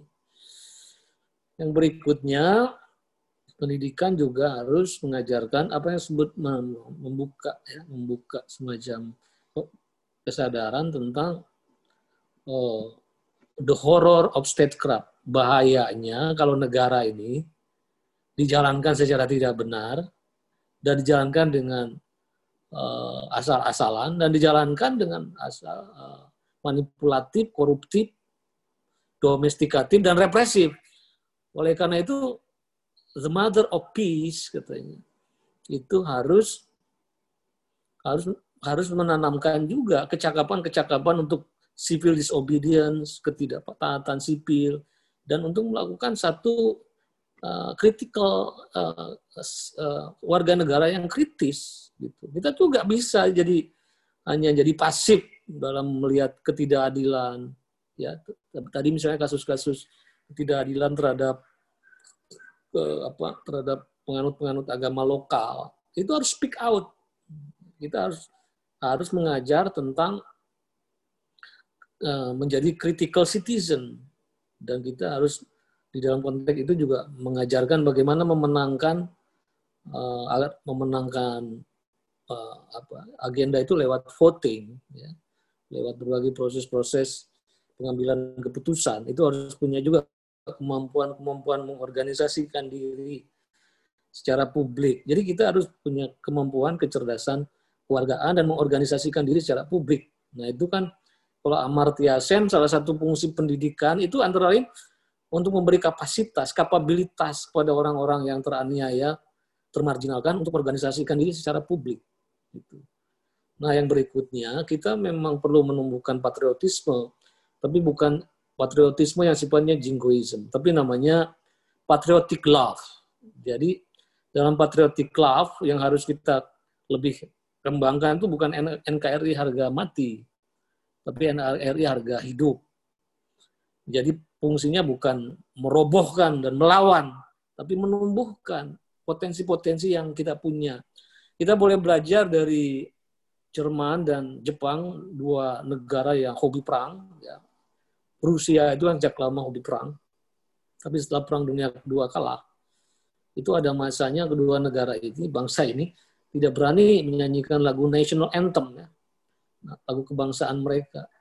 Tapi lama-lama dia energinya, energi patriotisnya itu dia arahkan pada sesuatu yang positif. Jadi misalnya menciptakan mesin-mesin wood wood class, kelas dunia itu.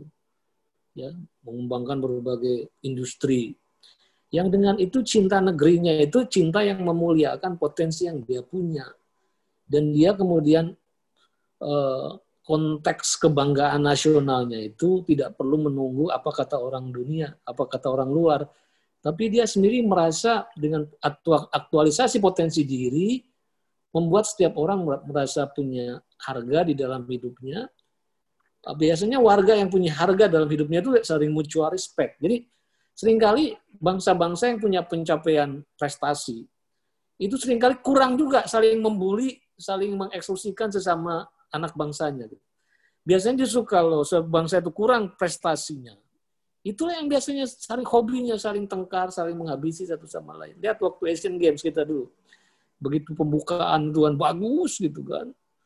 Bahkan dipuji dunia kan. Bahkan beberapa media mengatakan Olympic Games nanti di Jepang itu nervous gitu. Karena harus lebih baik daripada pembukaan Asian Games di Jakarta. Dan kita juga dapat jumlah medali. Untuk sementara kan tengkar-tengkar 01, 02 saling pelukan itu. Semua merasa bangga. Jadi memang kita memerlukan satu produk nasionalis, patriotisme yang lebih mengolah potensi yang kita punya.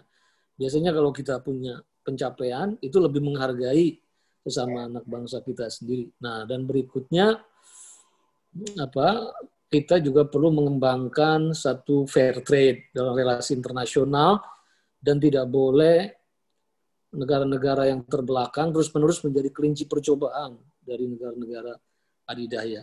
Nah, saudara, semua ini katanya memerlukan satu proses edukasi itu harus membuat bagaimana apa ya men, sifat kelelakian itu dikasih baju feminitas. Jadi ini idenya ini sebenarnya di orang-orang uh, Indian Iroquois, ya. Iroquois, ya. Itu sering kali kalau dua tribe, dua suku itu bertengkar, saling bertengkar, jadi perempuan itu, perempuan itu akan bertanya kepada yang laki-laki bertengkar itu, apakah kamu akan menumpahkan darah sesama laki-laki lain yang punya kewajiban terhadap anak, istri, dan saudara-saudaranya. Yang dengan itu secara perlahan kalian menghapuskan kemanusiaan dari muka bumi. Berhenti kamu bertengkar. Dan itu biasanya laki-laki itu tunduk gitu pada pada pada kepemimpinan perempuan itu. Jadi ada dimensi feminitas ini yang berinspirasi. Misalnya kasus Wangai Mata di Kenya, ya itu kan dapat menang Nobel perdamaian kira-kira 6 6 7 tahun lalu. Jadi idenya sebenarnya bermula di Kenya itu perempuan tuh selalu punya fungsi mencari bahan kayu bakar gitu. Karena deforestasi, jadi makin jauh sekali perempuan harus bertugas, harus mencari kayu bakar. Makin dalam, makin dalam, makin dalam. Wayang Wangai Mata ini alumni dari Amerika sekolahnya. Dia merasa iba dengan kaum perempuan. Lalu dalam rangka lingkungan, dia bikin satu starting point ya, menanam beberapa pohon di halaman rumahnya. Setelah tumbuh, ada contoh, lalu tetangganya juga suruh ngasih nanam pohon. Lama-lama kemudian ini membentuk namanya Green Belt Movement, gerakan sabuk hijau, hampir menjalar di, di, di Afrika. Nah, sekali waktu di dalam satu desa, dia bicara di hadapan nenek-nenek dan lain-lain, uh, jadi perlunya kita untuk menghijaukan kembali Kenya. Terus kata nenek itu, kenapa kita susah-susah nanam pohon? Bukannya, bukankah selama ini urusan nanam pohon itu urusan Tuhan? Gitu. Lalu Wangai Mata bilang, memang nenek urusan nanam pohon dari dulu urusan Tuhan. Tapi masalahnya sudah terlalu banyak lahan-lahan kosong yang harus ditanami Tuhan. Jadi kita tolong Tuhan itu supaya tidak terlalu capek gitu. Maka itu kemudian nenek-nenek dan akhirnya gerakan nanam pohon itu juga menjadi gerakan apa gerakan untuk inisiasi perdamaian. Jadi kalau ada dua tribal di Afrika bertengkar, itu diundang sama-sama kayak gini kayak dulu di Baitul Baitullah itu Ka'bah dipindahkan kemudian kan kata Rasulullah diletakkan di atas apa itu sarban lalu masing-masing kepala kabilah ujungnya. Nah, itu juga gitu. Kemudian cara mendamaikannya itu sama-sama setiap kepemimpin tribe tribal itu sama-sama menanam pohon, sama-sama menyiramnya dan lama-lama gerakan tanam pohon itu bukan saja menjadi tadi ramah lingkungan, tapi itu menjadi simbol-simbol perdamaian. Intinya adalah memang kita ini uh, harus kalau ingin damai ya tadi sifat-sifat keagamaan yang terlalu maskulin ya. Yang maskulinitas juga ada kaitannya dengan watak simpanse yang dominatif itu harus dikasih baju feminitas. Bukan berarti laki-laki harus harus berubah jenis kelaminnya, tapi pada setiap orang itu sebenarnya ada dimensi ada dimensi estetik ya dalam dan itu yang harus dihidupkan dalam edukasi kita. Uh, saya juga ingin tadi lupa saya ya tentang soal agama suku itu. Uh, di BPUPK, saudara tahu, selain tadi perwakilan agama-agama yang saya sebutkan, sebenarnya ada ada perwakilan dari agama-agama lokal juga. Itu Wongso Nagoro itu penghayat. Bahkan Rajiman Widyo Diningrat, ketua BPUPK, itu juga penghayat. Makanya kalau kita lihat konstruksi pasal 29, apa itu ya? Beragama dan berkeyakinan. Dan bebas dan negara yang jamin setiap warga negara untuk beribadah, untuk apa dan ibadah dan agama dan keyakinannya masing-masing. Ini jangan kita kacaukan dengan Kementerian Agama kalau Kementerian Agama itu fungsinya memang pengadministrasi administrasian. Karena ini ada kaitannya dengan fungsi negara kan? To protect to, to respect to protect to facilitate to fulfill. Karena awalnya sebenarnya Kementerian Agama itu khusus untuk Kementerian orang Islam. Karena jumlahnya banyak ada pesantren naik haji. Negara kan perlu memfasilitasi gitu jadi kan kongsi negara dalam alam Pancasila itu dia bukan wakil negara tapi bukan wakil agama tapi melindungi agama-agama terus termasuk ngasih fasilitasi. Jadi awalnya kan untuk fasilitasi orang Islam yang jumlahnya banyak, tapi dalam perkembangan waktu kan komunitas agama lain juga bisa minta difasilitasi. Nah, maka sebenarnya masa depan itu juga perlu ada paling tidak satu dirjen khusus untuk agama-agama lokal. Dan saudara tahu, ini kan ini soal tadi lagi-lagi dominatifnya simpanse. Sekarang itu kalau pengertian agama ada monopoli tafsir. Ini sama religi juga. Saudara tahu nggak arti agama itu apa aslinya itu? Agama itu nggak ada hubungannya dengan punya kitab suci atau apa. Agama dari bahasa Sanskerta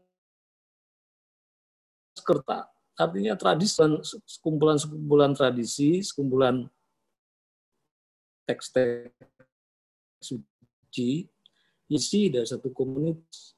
Ya, jadi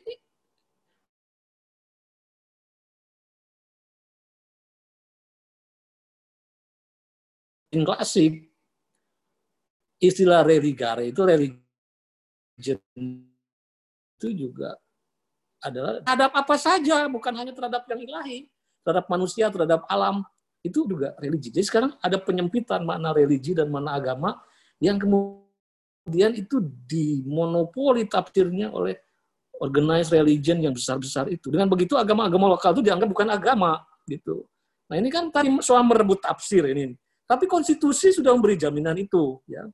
Soal sekarang negara, petugas negara itu kan to respect, to protect. Yang pertama-tama negara harus memprotek dong. Hak hak warga negara udah jelas-jelas.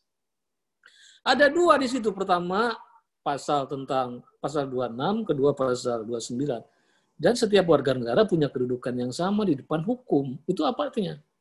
Itu ada kita itu sudah punya punya namanya itu habeas corpus. Habeas corpus itu menarik sekali.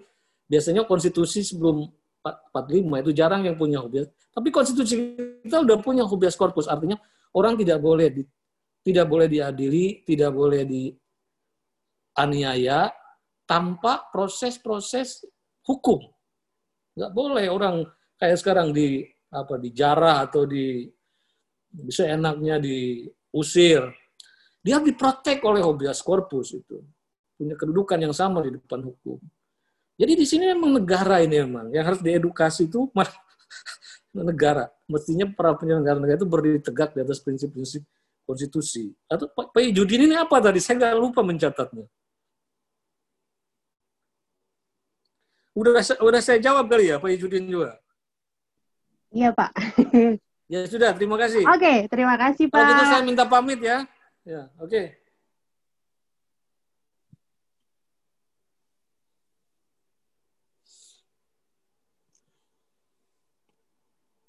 Halo, halo Pak. Ya, saya pamit izin, Pak gitu. Yudi. Terima kasih. Ya. Bapak udah keluar ya? Halo? Iya. Oke. Kalau Uh, gitu saya sepertinya ada, pamit. ada gangguan sinyal. Suara saya terdengar jelas? Ya, ya, ya. Oh, Oke, terima kasih banyak Bapak. Baik, terima kasih. Tadi cukup panjang sekali, iya. Oke, eh, semoga sehat selalu Pak. Oke. Oke, selanjutnya eh, untuk pertanyaan berikutnya, ini ada dari eh, lamannya Google Form nih untuk Ma- Pak Samsul. Pak Samsul ada ada pertanyaan dari Yogyakarta. Eh, Jangan-jangan eh, ini nih mahasiswanya. Gimana sih menjaga perdamaian di tengah masyarakat yang multikultural? Gimana Pak Samsul? Halo Mbak. Iya. Ya. Em, multikultural sebagai realitas penting kita angkat menjadi sebuah mungkin tidak harus ideologi, tetapi pemahaman bahwa multikultural itu realitas yang mesti kita hargai, mesti kita hormati. Dan multikultural itu itu tidak mati, tidak statis, tetapi terus berkembang. Sehingga ketika misalnya kita memahami multikulturalisme sebagai pemahaman berkewarganegaraan, maka ada penting selalu ada kerelaan di kita masing-masing untuk terus melihat berkembangnya keragaman. Keragaman itu bisa berkembang dari ide, dari ekspresi macam-macam karena apalagi kalau kaitannya misalnya dengan agama. Agama itu tuh kan pada dasarnya adalah kreativitas. Beragama itu adalah berkreasi yang setiap orang itu akan terus mentransformasi pemahamannya dalam bentuk atau berbagai macam eh, apa namanya praktek-praktek. Di masa pandemi ini kita tertantang misalnya kita melihat bagaimana agama itu tertantang menyesuaikan diri, mentransformasi diri. Sekarang ini sudah banyak misalnya eh, praktek-praktek agama online, eh, apa namanya ceramah-ceramah online, bahkan ibadah-ibadah online.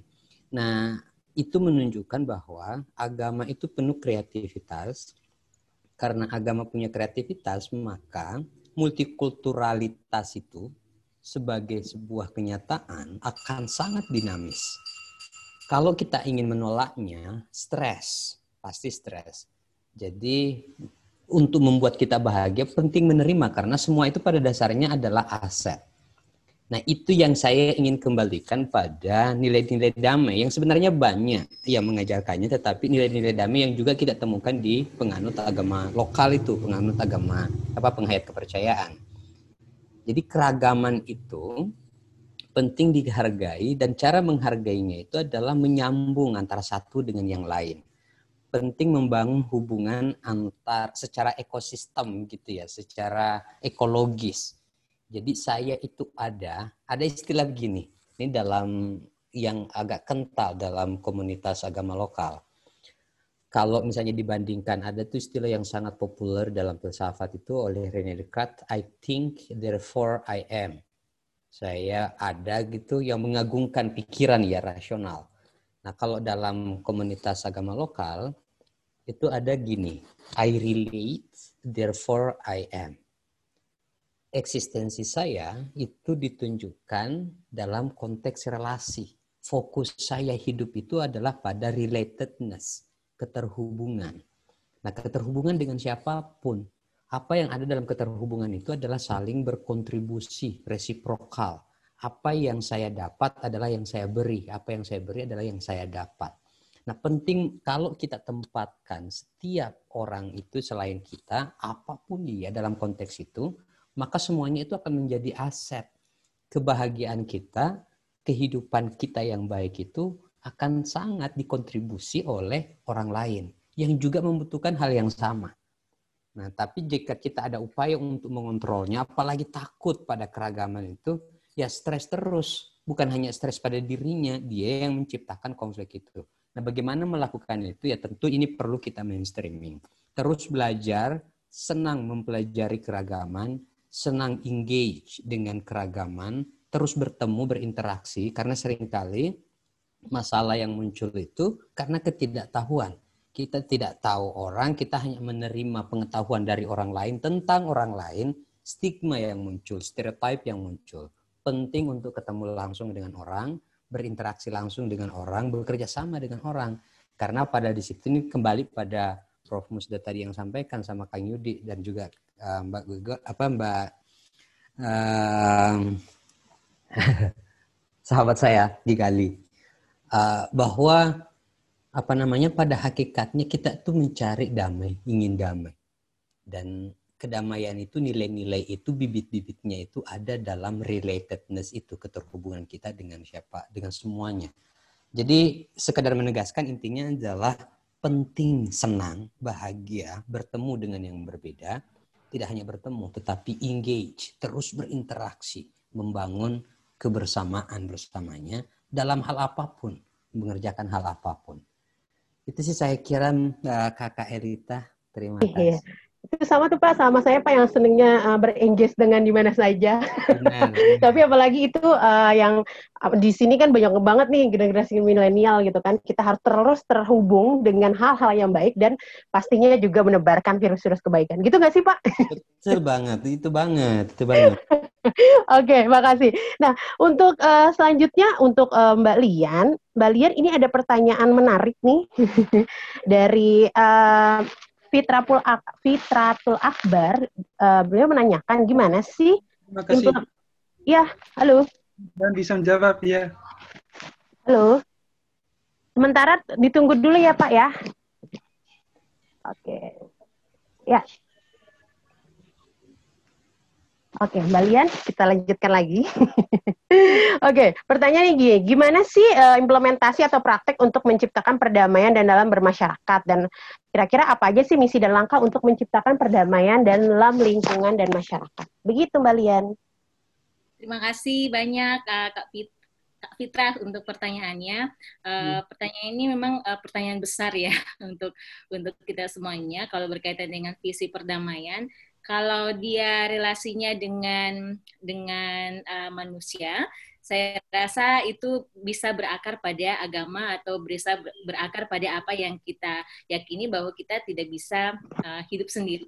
Dan karena untuk uh, karena tidak bisa hidup sendiri maka penting sekali untuk kemudian berelasi dengan orang lain. Dan untuk bisa berelasi dengan orang lain penting untuk kemudian membangun kerjasama dengan dengan orang lain. Sesederhana itu sebenarnya uh, seperti yang tadi Kak Samsul Ma'arif bilang ya bahwa ya ini multi kalau kita melihat multikultural sebagai sebuah keniscayaan maka ya hampir secara tidak langsung itu mendorong kita untuk kemudian um, melakukan aktivitas atau um, membuat kegiatan-kegiatan uh, yang dalam kaitannya dengan konteks itu. Uh, itu kalau misalnya bicara dengan tentang visi, visi dan misi perdamaian, um, dia bagi saya dia tidak sekedar bahwa tidak ada pertengkaran, bahwa tidak ada bahwa tidak ada yang namanya uh, kekerasan atau kerusuhan.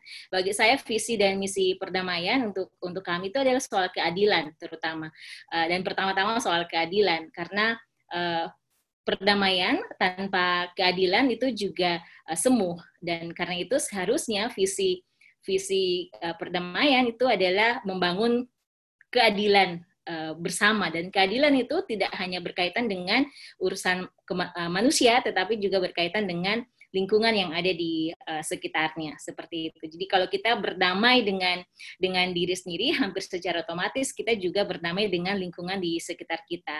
Uh, makan lebih sehat dan hal-hal yang sangat sangat praktis ya gitu ya sehari-hari gitu. Uh, itu sebenarnya kalau saya uh, pertanyaan singkat, jawaban singkat untuk Kak Fitra. Uh, tapi saya tertarik juga untuk menjawab pertanyaan dari Kak Tami ya. Tadi saya uh, belum sempat okay chat pertanyaan Katami itu berkaitan dengan uh, kenapa sih memilih pendekatannya perbedaan bukan pendekatan perdam, uh, persamaan ketika membicarakan soal isu-isu perdamaian. Uh, kalau kalau pengalaman kami karena saya lahir dan besar di Kabupaten Poso, isu-isu persamaan uh, kami di Poso itu saling apa namanya ya antar agama itu uh, menikah. Jadi bahkan menikah gitu ya. Jadi uh, dalam satu keluarga itu bisa ter, bisa terdiri dari Islam Kristen Hindu gitu. Bahkan uh, ada di satu desa yang imamnya Islam tapi istrinya istri dari imam ini adalah Kristen. Kayak gitu. Itu tetap dengan agama masing-masing. Karena itu titik temu persamaan itu udah ada dalam kehidupan sehari-hari. Hanya saja kita melihat bahwa yang menyebabkan bagaimana persamaan ini dimanipulasi sehingga dia kemudian menjadi kerusuhan dan menjadi uh, uh, tindak kekerasan yang dilegitimasi oleh agama itu adalah perbedaan yang kemudian di, dimanipulasi perbedaan itu sebagai akar dari uh, legitimasi untuk melakukan melakukan pe, melakukan kekerasan. Nah, karena itu kita merasa uh, itu satu alasannya kenapa perbedaan pendekatannya melalui melalui perbedaan yang dia yang ada. Lalu kemudian yang kedua, um, saya merasa bahwa kemudian orang merasa tidak tidak biasa untuk berbeda. Orang merasa harus sama uh, seperti itu. Dan karena harus sama, maka semua orang dipaksakan untuk kemudian sama dengan dirinya, sama dengan cara berpikir dan seterusnya. Membicarakan tentang perbedaan itu adalah juga soal keadilan ya, bukan bukan cuma soal menerima diri sendiri tetapi menerima orang lain dan bagi saya itu adalah konteks uh, konsep perdamaian yang yang sesungguhnya. Bagaimana kita melihat perbedaan itu sebagai sebuah keniscayaan dan menghargai dan karena itu bisa kita uh, menghormati. Nah, uh, melakukan pendekatan perdamaian itu penting sebagai tahapan awal untuk untuk uh, bicara tentang perdamaian dalam konteks konflik pasca, pasca konflik terutama di tempat kami karena mengenal gitu ya kalau kita nggak tidak mengenal uh, perbedaan kita tidak bisa untuk kemudian masuk pada tahapan menghargai uh, dan tidak bisa masuk pada tahapan um, ini ya apa namanya uh, bukan cuma menghargai tapi menghormati perbedaan itu sendiri.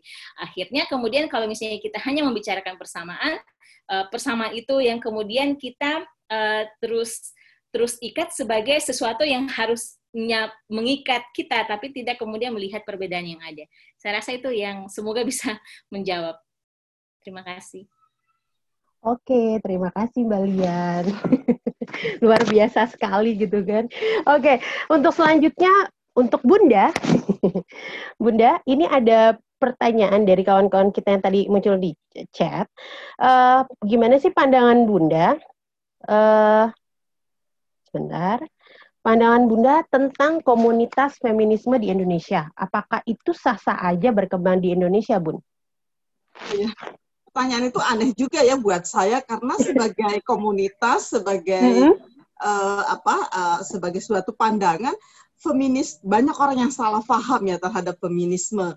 Nah inilah yang penting sekali buat saya tuh generasi literat. Jadi literasi sekali lagi saya mengatakan literasi itu bukan sekedar membaca, apalagi cuma membaca sepotong-sepotong membaca status ya di uh, eh, WA jangan pernah ya. Jadi kalau saya tuh membaca baca bener, ambil buku duduk ya cari waktu yang enak, yang tenang, baca dan baca lagi. Itulah yang di seba, mengapa dalam Islam itu ikro itu penting. Ikro, ikro, ikro itu bukan sekedar membaca loh. Ikro itu membaca dengan penuh kesadaran kemanusiaan. Sehingga kita bisa menangkap pesan-pesan apa yang ada di dalam bacaan itu ya karena itu bagi kita Nisa selalu mengajarkan kepada mahasiswa saya baca dulu sebelum berkomentar karena kalau anda tidak membaca dengan baik lalu Anda memberikan komentar, maka komentar Anda itu tidak punya landasan yang signifikan. Nah, tentang feminisme banyak orang yang salah kaprah karena itu tadi membaca dari narasi-narasi yang uh, penuh kebencian, narasi-narasi yang penuh dengan uh, apa namanya stigma. Ya, feminisme itu menurut saya adalah sebuah gerakan untuk membangun keadilan, bukan hanya untuk perempuan tapi juga untuk seluruh masyarakat. Karena masyarakat kita itu selalu ya terdiri dari beragam jenis kelamin, beragam jenis uh, apa gender, beragam pokoknya beragam agama, beragam apa pun.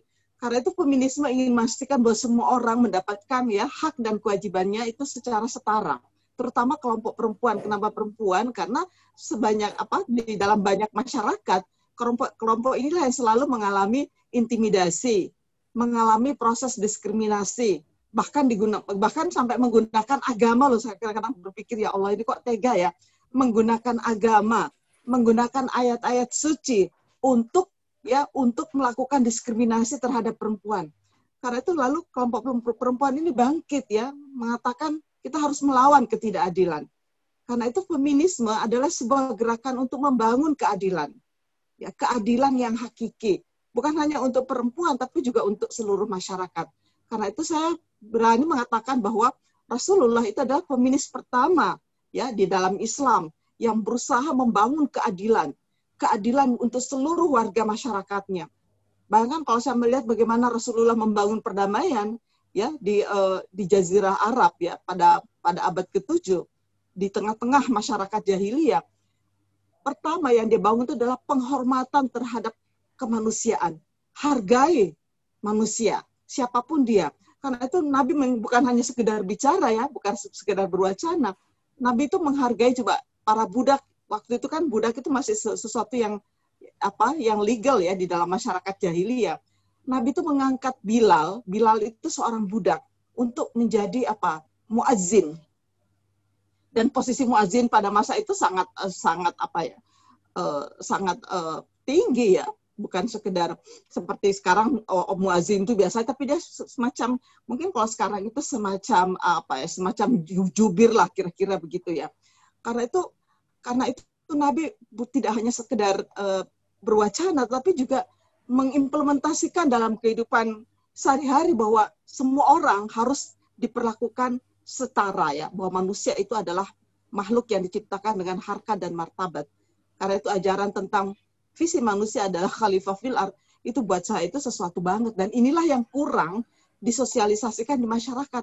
Bagaimana kita membangun ya sebuah kesadaran baru dalam masyarakat kita bahwa semua orang itu harus dihormati, harus dihargai siapa pun dia apa pun dia.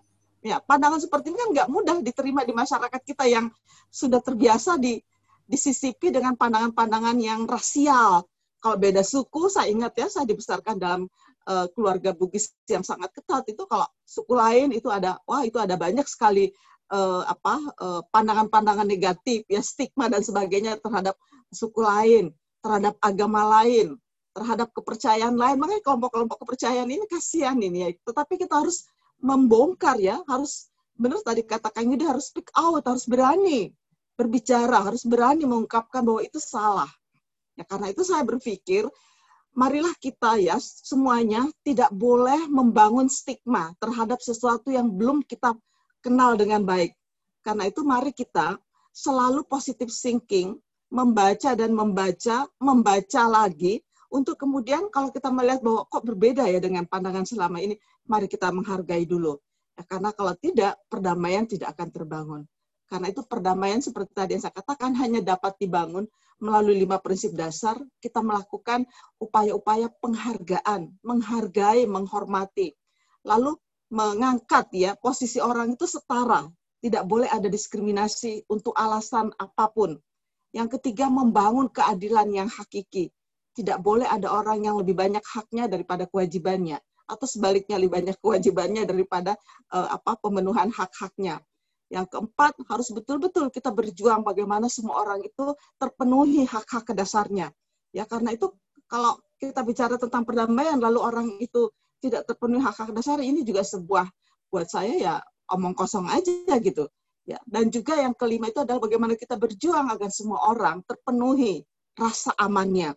Ya, karena itu kalau di dalam keluarga ada anggota keluarga tidak merasa aman, ya karena di dalamnya itu ada predator-predator, wah bagaimana akan membangun damai? Karena itu penting sekali bagi kita semua memastikan bahwa semua orang di sekeliling kita merasa apa? Merasa aman. Karena itu adalah salah satu syarat untuk membangun perdamaian. Mari kita semua berusaha dengan seluruh kapasitas yang kita miliki masing-masing, apa pun ya kita sebagai guru, sebagai mahasiswa, sebagai apa pun, kita melakukan sesuatu yang saya selalu mengatakannya kita berjihad ya berjihad untuk membangun perdamaian. Assalam ya karena itu merupakan ajaran yang esensial di dalam agama mana pun. Karena itu mari kita berkomitmen bahwa kita harus membangun damai dimulai dari diri kita dulu.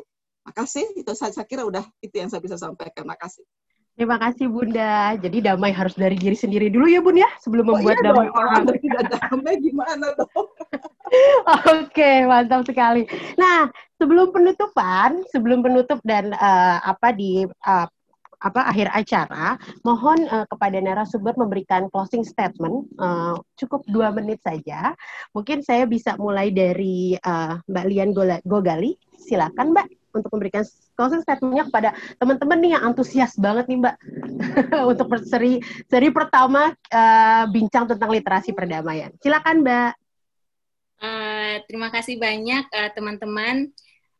Ide-ide berkaitan dengan literasi perdamaian ini adalah ide-ide yang perlu untuk uh, selalu dikembangkan, tetapi juga selalu harus menjadi bagian dari kehidupan kita sehari-hari, bukan hanya karena tantangan dan juga godaan yang mungkin terjadi untuk uh, kekerasan yang bisa di uh, terjadi di sekitar kita, tetapi juga bahwa kita semua berpotensi bukan hanya berpotensi untuk menjadi pelaku, tapi juga menjadi korban, dan karena itu kita harus memilih untuk menjadi generasi yang literat, generasi yang pendamai. Saya rasa begitu. Oke, okay. terima kasih Mbak Lian. Kalau untuk uh, Pak Samsu, Bagaimana Pak closing statementnya? Terima kasih banyak Kakak Elita. Ini saya mau minjam yang disampaikan oleh Kakak Anjulin ini yang mengutip Bunda Teresa. Ah, benar, kita memulai sejak senyuman, mulai dari diri dan selalu senyum.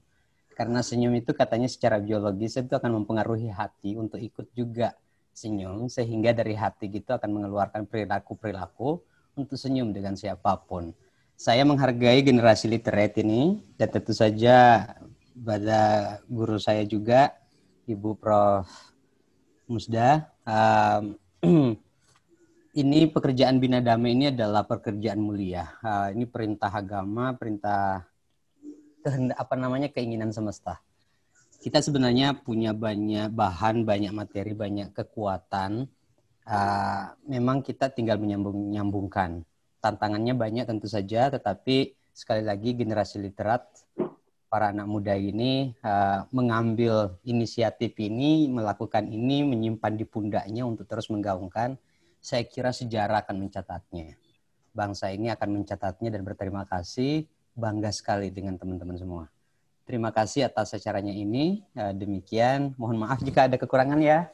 Sama-sama, terima kasih Pak. Kita jadi semangat, semakin semangat. Prof, iya. Oke. Yang terakhir dari Bunda, silakan Bunda. terima kasih. Um, suara saya kedengaran kan? Bagus ya? Bagus Bun, jelas. Um, saya hanya ingin mengatakan bahwa damai itu adalah mimpi terindah semua manusia karena itu mari kita betul-betul ya berkomitmen membangun damai dalam diri kita sendiri. Karena kalau kita tidak berdamai dulu dalam diri kita sendiri, membangun damai dalam diri kita itu adalah kita menerima ya segala kekurangan dan juga mengoptimalkan semua potensi yang ada di dalam diri kita.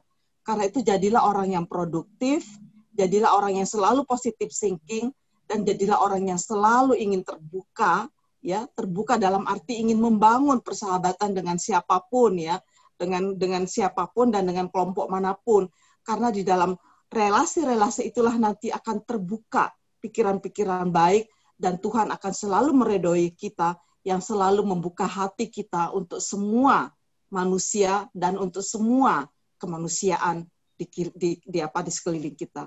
Karena itu mari sekali lagi saya mengatakan mari kita semua bersikap toleran, bersikap inklusif, dan bersikap positive thinking demi membangun damai bukan hanya untuk diri kita, tetapi juga untuk semua manusia dan untuk lingkungan semesta. Terima kasih, mudah-mudahan ada manfaatnya. Kita selalu berkomitmen untuk hal-hal yang penuh dengan kedamaian. Wassalamualaikum warahmatullahi wabarakatuh. Waalaikumsalam warahmatullahi wabarakatuh. Bisa dikasih reaksi sekali lagi untuk ketiga narasumber kita yang luar biasa ini. Luar biasa sekali. Aduh, banyak banget insight-insight yang baru uh, dari Poso, dari Jogja, dan dari Bunda juga gitu. Dan aduh, ini menjadi uh, catatan tersendiri kalau dari generasi literat gitu kan. Pengen banget nih bisa uh, PR-PR yang ada kita bisa realisasikan dengan ide-ide yang pastinya dengan pendekatan literasi. Nah, terima kasih kepada Bapak, Ibu, dan Mbak atas pemaparan materinya. Kalau saya tadi sih melihat dari uh, ketiga ketiga narasumber uh, apa uh, mempresentasikan bahwa memang uh, kita menghormati perbedaan agama, sosial, ekonomi, penampilan fisik, kemampuan dan minat adalah aspek penting sebenarnya dalam menciptakan lingkungan atau iklim yang damai baik uh, di rumah, sekolah maupun di masyarakat. Karena perdamaian adalah uh, komitmen yang mengakar sebenarnya pada prinsip-prinsip kebebasan, keadilan, kesetaraan dan solidaritas di antara semua manusia dan keharmonisan manusia dengan lingkungan. Karena damai adalah milik manusia yang paling berharga. Nah, sebelum uh, saya menutup sesi ini, saya akan membe, uh, me, apa namanya menginformasikan uh, bahwa nanti Bapak Ibu narasumber yang telah berbagi materi hari ini ada sebagai tanda terima kasih nih dari Generasi Literat dan Muslimah Reformist Foundation kami akan mengirimkan e-sertifikat dan buku yang pasti sangat spesial untuk narasumber. Kayak gitu. Nah, setelah ini saya akan dari saya terima kasih Semoga uh, apabila ada salah-salah kata saya mohon maaf. Setelah ini prosesnya akan saya serahkan lagi kepada MC kece saya. Kakak Rahma, boleh cek sound? Halo. Ya, halo Kak. Oke, Kakak Rahma silakan untuk uh, memberikan informasi lanjut uh, terkait dengan uh, apa ketentuan peserta lainnya. Silakan Kak. Baik, terima kasih banyak untuk Kak Eta yang sudah memimpin acara diskusi kita pada hari ini dengan sangat baik dan sangat luar biasa. Teman-teman, uh, untuk acara selanjutnya langsung saja kita ada sesi foto bersama. Untuk itu kita memohon kesediaan dari Bapak Ibu serta seluruh peserta. Mungkin bisa diaktifkan terlebih dahulu kameranya ya, atau mungkin juga yang mau sapa-sapa bisa diaktifkan suaranya. Silahkan. Nanti dari tim dokumentasi akan membantu kita untuk uh, pengambilan dokumentasi dalam acara bincang literasi ini. Bagaimana uh, Kak Irmin? Iya, udah siap, Rahma. Oke, mantap. Bapak Ibu mungkin bisa lihat ke kamera ya, lihat kamera masing-masing. Kita uh, berikan senyum terbaiknya. Asik. Sudah siap semuanya?